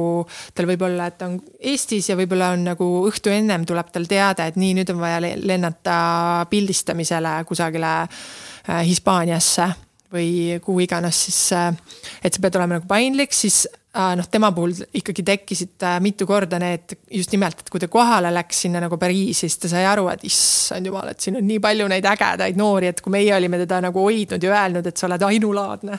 siis ta sai ise aru, siis tal oli see eneseusu küsimus siis, äh, mida me hakkasime siis boost ima ja süstisime talle, et. et kuidas ta hakkama saab ja kuidas ta hakkama saada ka sellega, et kui nagu ikkagi seal casting director'id ütlesid talle ka, et, et ei, et sellesse show'sse sa ei sobi või sellele projektile. et siis ongi jälle et ah, et aa, ei, mul ei hakka minema, pole vist mõtet, noh, et kuidas siis ära nagu boost ida see, et. et, et see on okei okay,, et tulevad ei-d ka. ja nii edasi, no ühesõnaga, et tema ja tema lend on hästi kiire olnud, et nüüd ta ongi juba, eks ju, see on, mis kuskil kaks aastat on ta meil olnud. ja nüüd ta on siis maailma või äh, ühesõnaga viiekümnena, ma, viiekümne tuntud meesmodelli siis äh, nimekirjas on ta igal juhul maailmas, noh, mis on Täiesti nagu, äh, Eestist ei ole ühtegi meest selles nimekirjas olnud. Mm. -hmm ja ei, muidugi ehitab, äh, seal ongi see meie agentuuri ka, et me, meie nagu point on ka see, et kui meil on noored, et siis äh, see on hästi tihti öeldakse, et kui mul vanad äh, tuttavad modellid, kes ütlevad, et näed, jube äge, et modellina teenisin nii hästi, et tõesti oli äge elu ja äge aeg, aga et kohe, kui modellindus lõppes, olid rahad ka otsas et siis me nagu jah, et nad ei, noh, ongi, et siis me agentuurina ise oleme, panustame hästi sellesse, et noortele kohe hakata ka rääkima, et kuidas seda oma kas aega või raha siis äh, et mis sellega teha, et ei läheks lihtsalt nagu kalliste riiete ostmise peale. kes tahab, see on valik, aga vähemalt, et nad teaks, et seal on mingeid nagu võimalusi endal seeme panna tulevaseks mm -hmm. eluks. meil käis Johan Nurb kunagi rääkimas ja ta rääkis ikka nagu päris hirmutavaid lugusid ka sellest modellimaasist, ta oli ka natukest aega oli meesmodell. ja, või isegi mitte nii väga natukest, ikka mõned aastad oli ta, ta oli ka päris edukas ja ikkagi rääkis, et nagu, et päris palju tema kuulis lugusid, kus noortelt kuttidelt ikkagi nõuti seksi selle jaoks, et eh, saada kuskile kõik need narkootikumid, pidutsemine, et see, see, et see, seal on see varjupool ka, see on nii pöörane kõik, seal on nii palju raha ja nii palju nagu justkui mingit sellist võltsi ja, ja, ja ahnust ja kui palju see siis nagu vastab tõele, kui suur osa sellest on müüt, kuidas te nagu kaitsete neid noori? Ma arvan, see on vaata nagu näitlejatega on täpselt sama asi ju.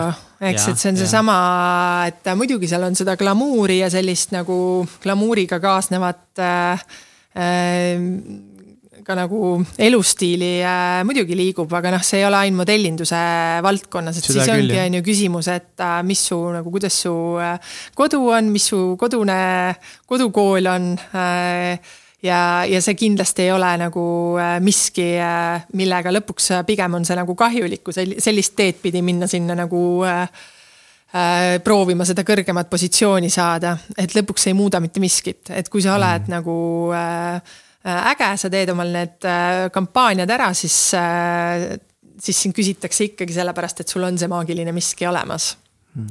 no et... kui keegi praegu kodus tunneb, et temas võiks olla midagi maagilist, siis mis tegema peaks? Äh, no siis peabki äh, otsima agentuuri. meie agentuur on siis äh, noh, ongi, meil on, on ju Agency Iconil üks on meil see casting või talendi agentuur ja teine on modelliagentuur ja ongi, et tuleb saata lihtsalt pilt ja kiri või, või seal ankeet veebilehel ära täita ja siis ongi, et kui on see nagu kui ka siis skauter ja pukker tunnevad agentuurist, et näed, vot siin tõenäoliselt on see maagiline miski ja, ja naljakal kombel nagu Briani puhul, et tegelikult selle näeb ära, eks ju, mingisuguse ühe üsna suvalise pildi pealt äh, kuidagi. Et siis võetakse juba üle, ühendust ja, ja, ja, ja kutsutakse agentuuri ja noh, see ongi selline, et jah, Briani puhul see oli väga kiire lend, aga see ei pruugi nii olla, et kui on väga noor näiteks, kellelgi on laps äh,, tahab tulla modelliks, et. et siis see ei, see ei, see ei ole selline, et äh, kohe ülinoored äh, tüdrukud või poisid lähevad reisima, et see võtab, võib võtta väga nagu ka aega, et rahulikus tempos minna, et siis selle ja, ja reaalne modellindus tegelikult algab siis, kui nagu noored on täisealised. Hmm..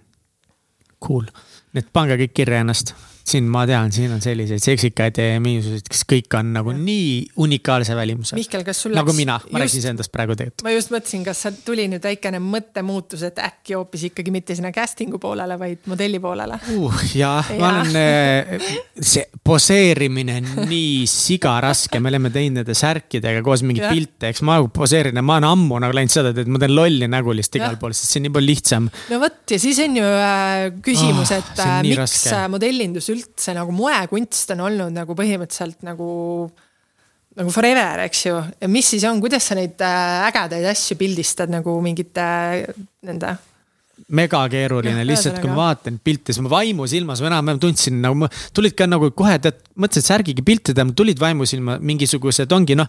mingi moe photoshoot, ikka kuskilt ajakirjast näed, ikka ma olen elus näinud palju photoshoot'e. siis ma kuidagi peas kujutasin ette, peas kujutasin ette, ma tahaks samasugune välja näha, siis kui ma proovisin ja pärast pildi pealt nägin seda. täiesti kohutav noh, lihtsalt see on kunst kuidagi hoida keha, nägu, kõike niimoodi, et see nagu paar, paar millimeetrit valest suundades ja see kõik näeb topakas välja lihtsalt. noh, lihtsalt nagu saa. lisaks sellele, et noh, ma ei taha nagu väga haiget teha, aga nagu seda maagilist miskit võib-olla sul ka nagu päris. no ei ole noh. ei ole ei ole küll jah. sellepärast pildid ongi kohutavad kogu aeg. oh, aga samas äkki keegi suudab õpetada ja. mind. ma ei tea, igatahes ähm, on veel midagi, mida sa tahad äh, endast siia maailmale maha jätta äh,? ei, olen avatud küsimustele, kui neid veel on, aga mm, ma arvan, et, et äh, ja kus meie kuulajad saavad sinu tegemistel silma peal hoida? no näiteks LinkedInis olen ma täitsa äh, ühesõnaga olen olemas ja, ja järjest aktiivsemaks seal muutun. Äh, Facebookis olen olemas, aga mm, ma arvan, need kohad. ja siis ma arvan, lihtsalt minust on nagu, nagu põhimõtteliselt on niimoodi, et nagu kogu selle ettevõtte nagu nii nagu taga ikkagi nagu täna ja veel järgmised nagu aastad olen kindlasti väga-väga-väga äh, hands-on mina seotud. Et, äh, et ei ole veel seda, et kust, äh, kui meile ka email saata või küsida midagi, mis iganes, et siis see jõuab ka minuni, et, et, et ja, ja noh, ongi, et kui vaadata seda arengut ja ala turundust või kuidas meie bränd areneb, et siis selles ka, et, et olengi jälle mina seotud koos oma väga ägeda tiimiga. Väga cool aitäh sulle, et sa tulid meie saatesse, aitäh, et sa oma aega keset kiiret tööpäeva nii palju mulle andsid, see on imeline, aitäh, et sa jagasid oma lugu nii ausalt ja siiralt väga,, väga-väga armas. Thanks yes., high five.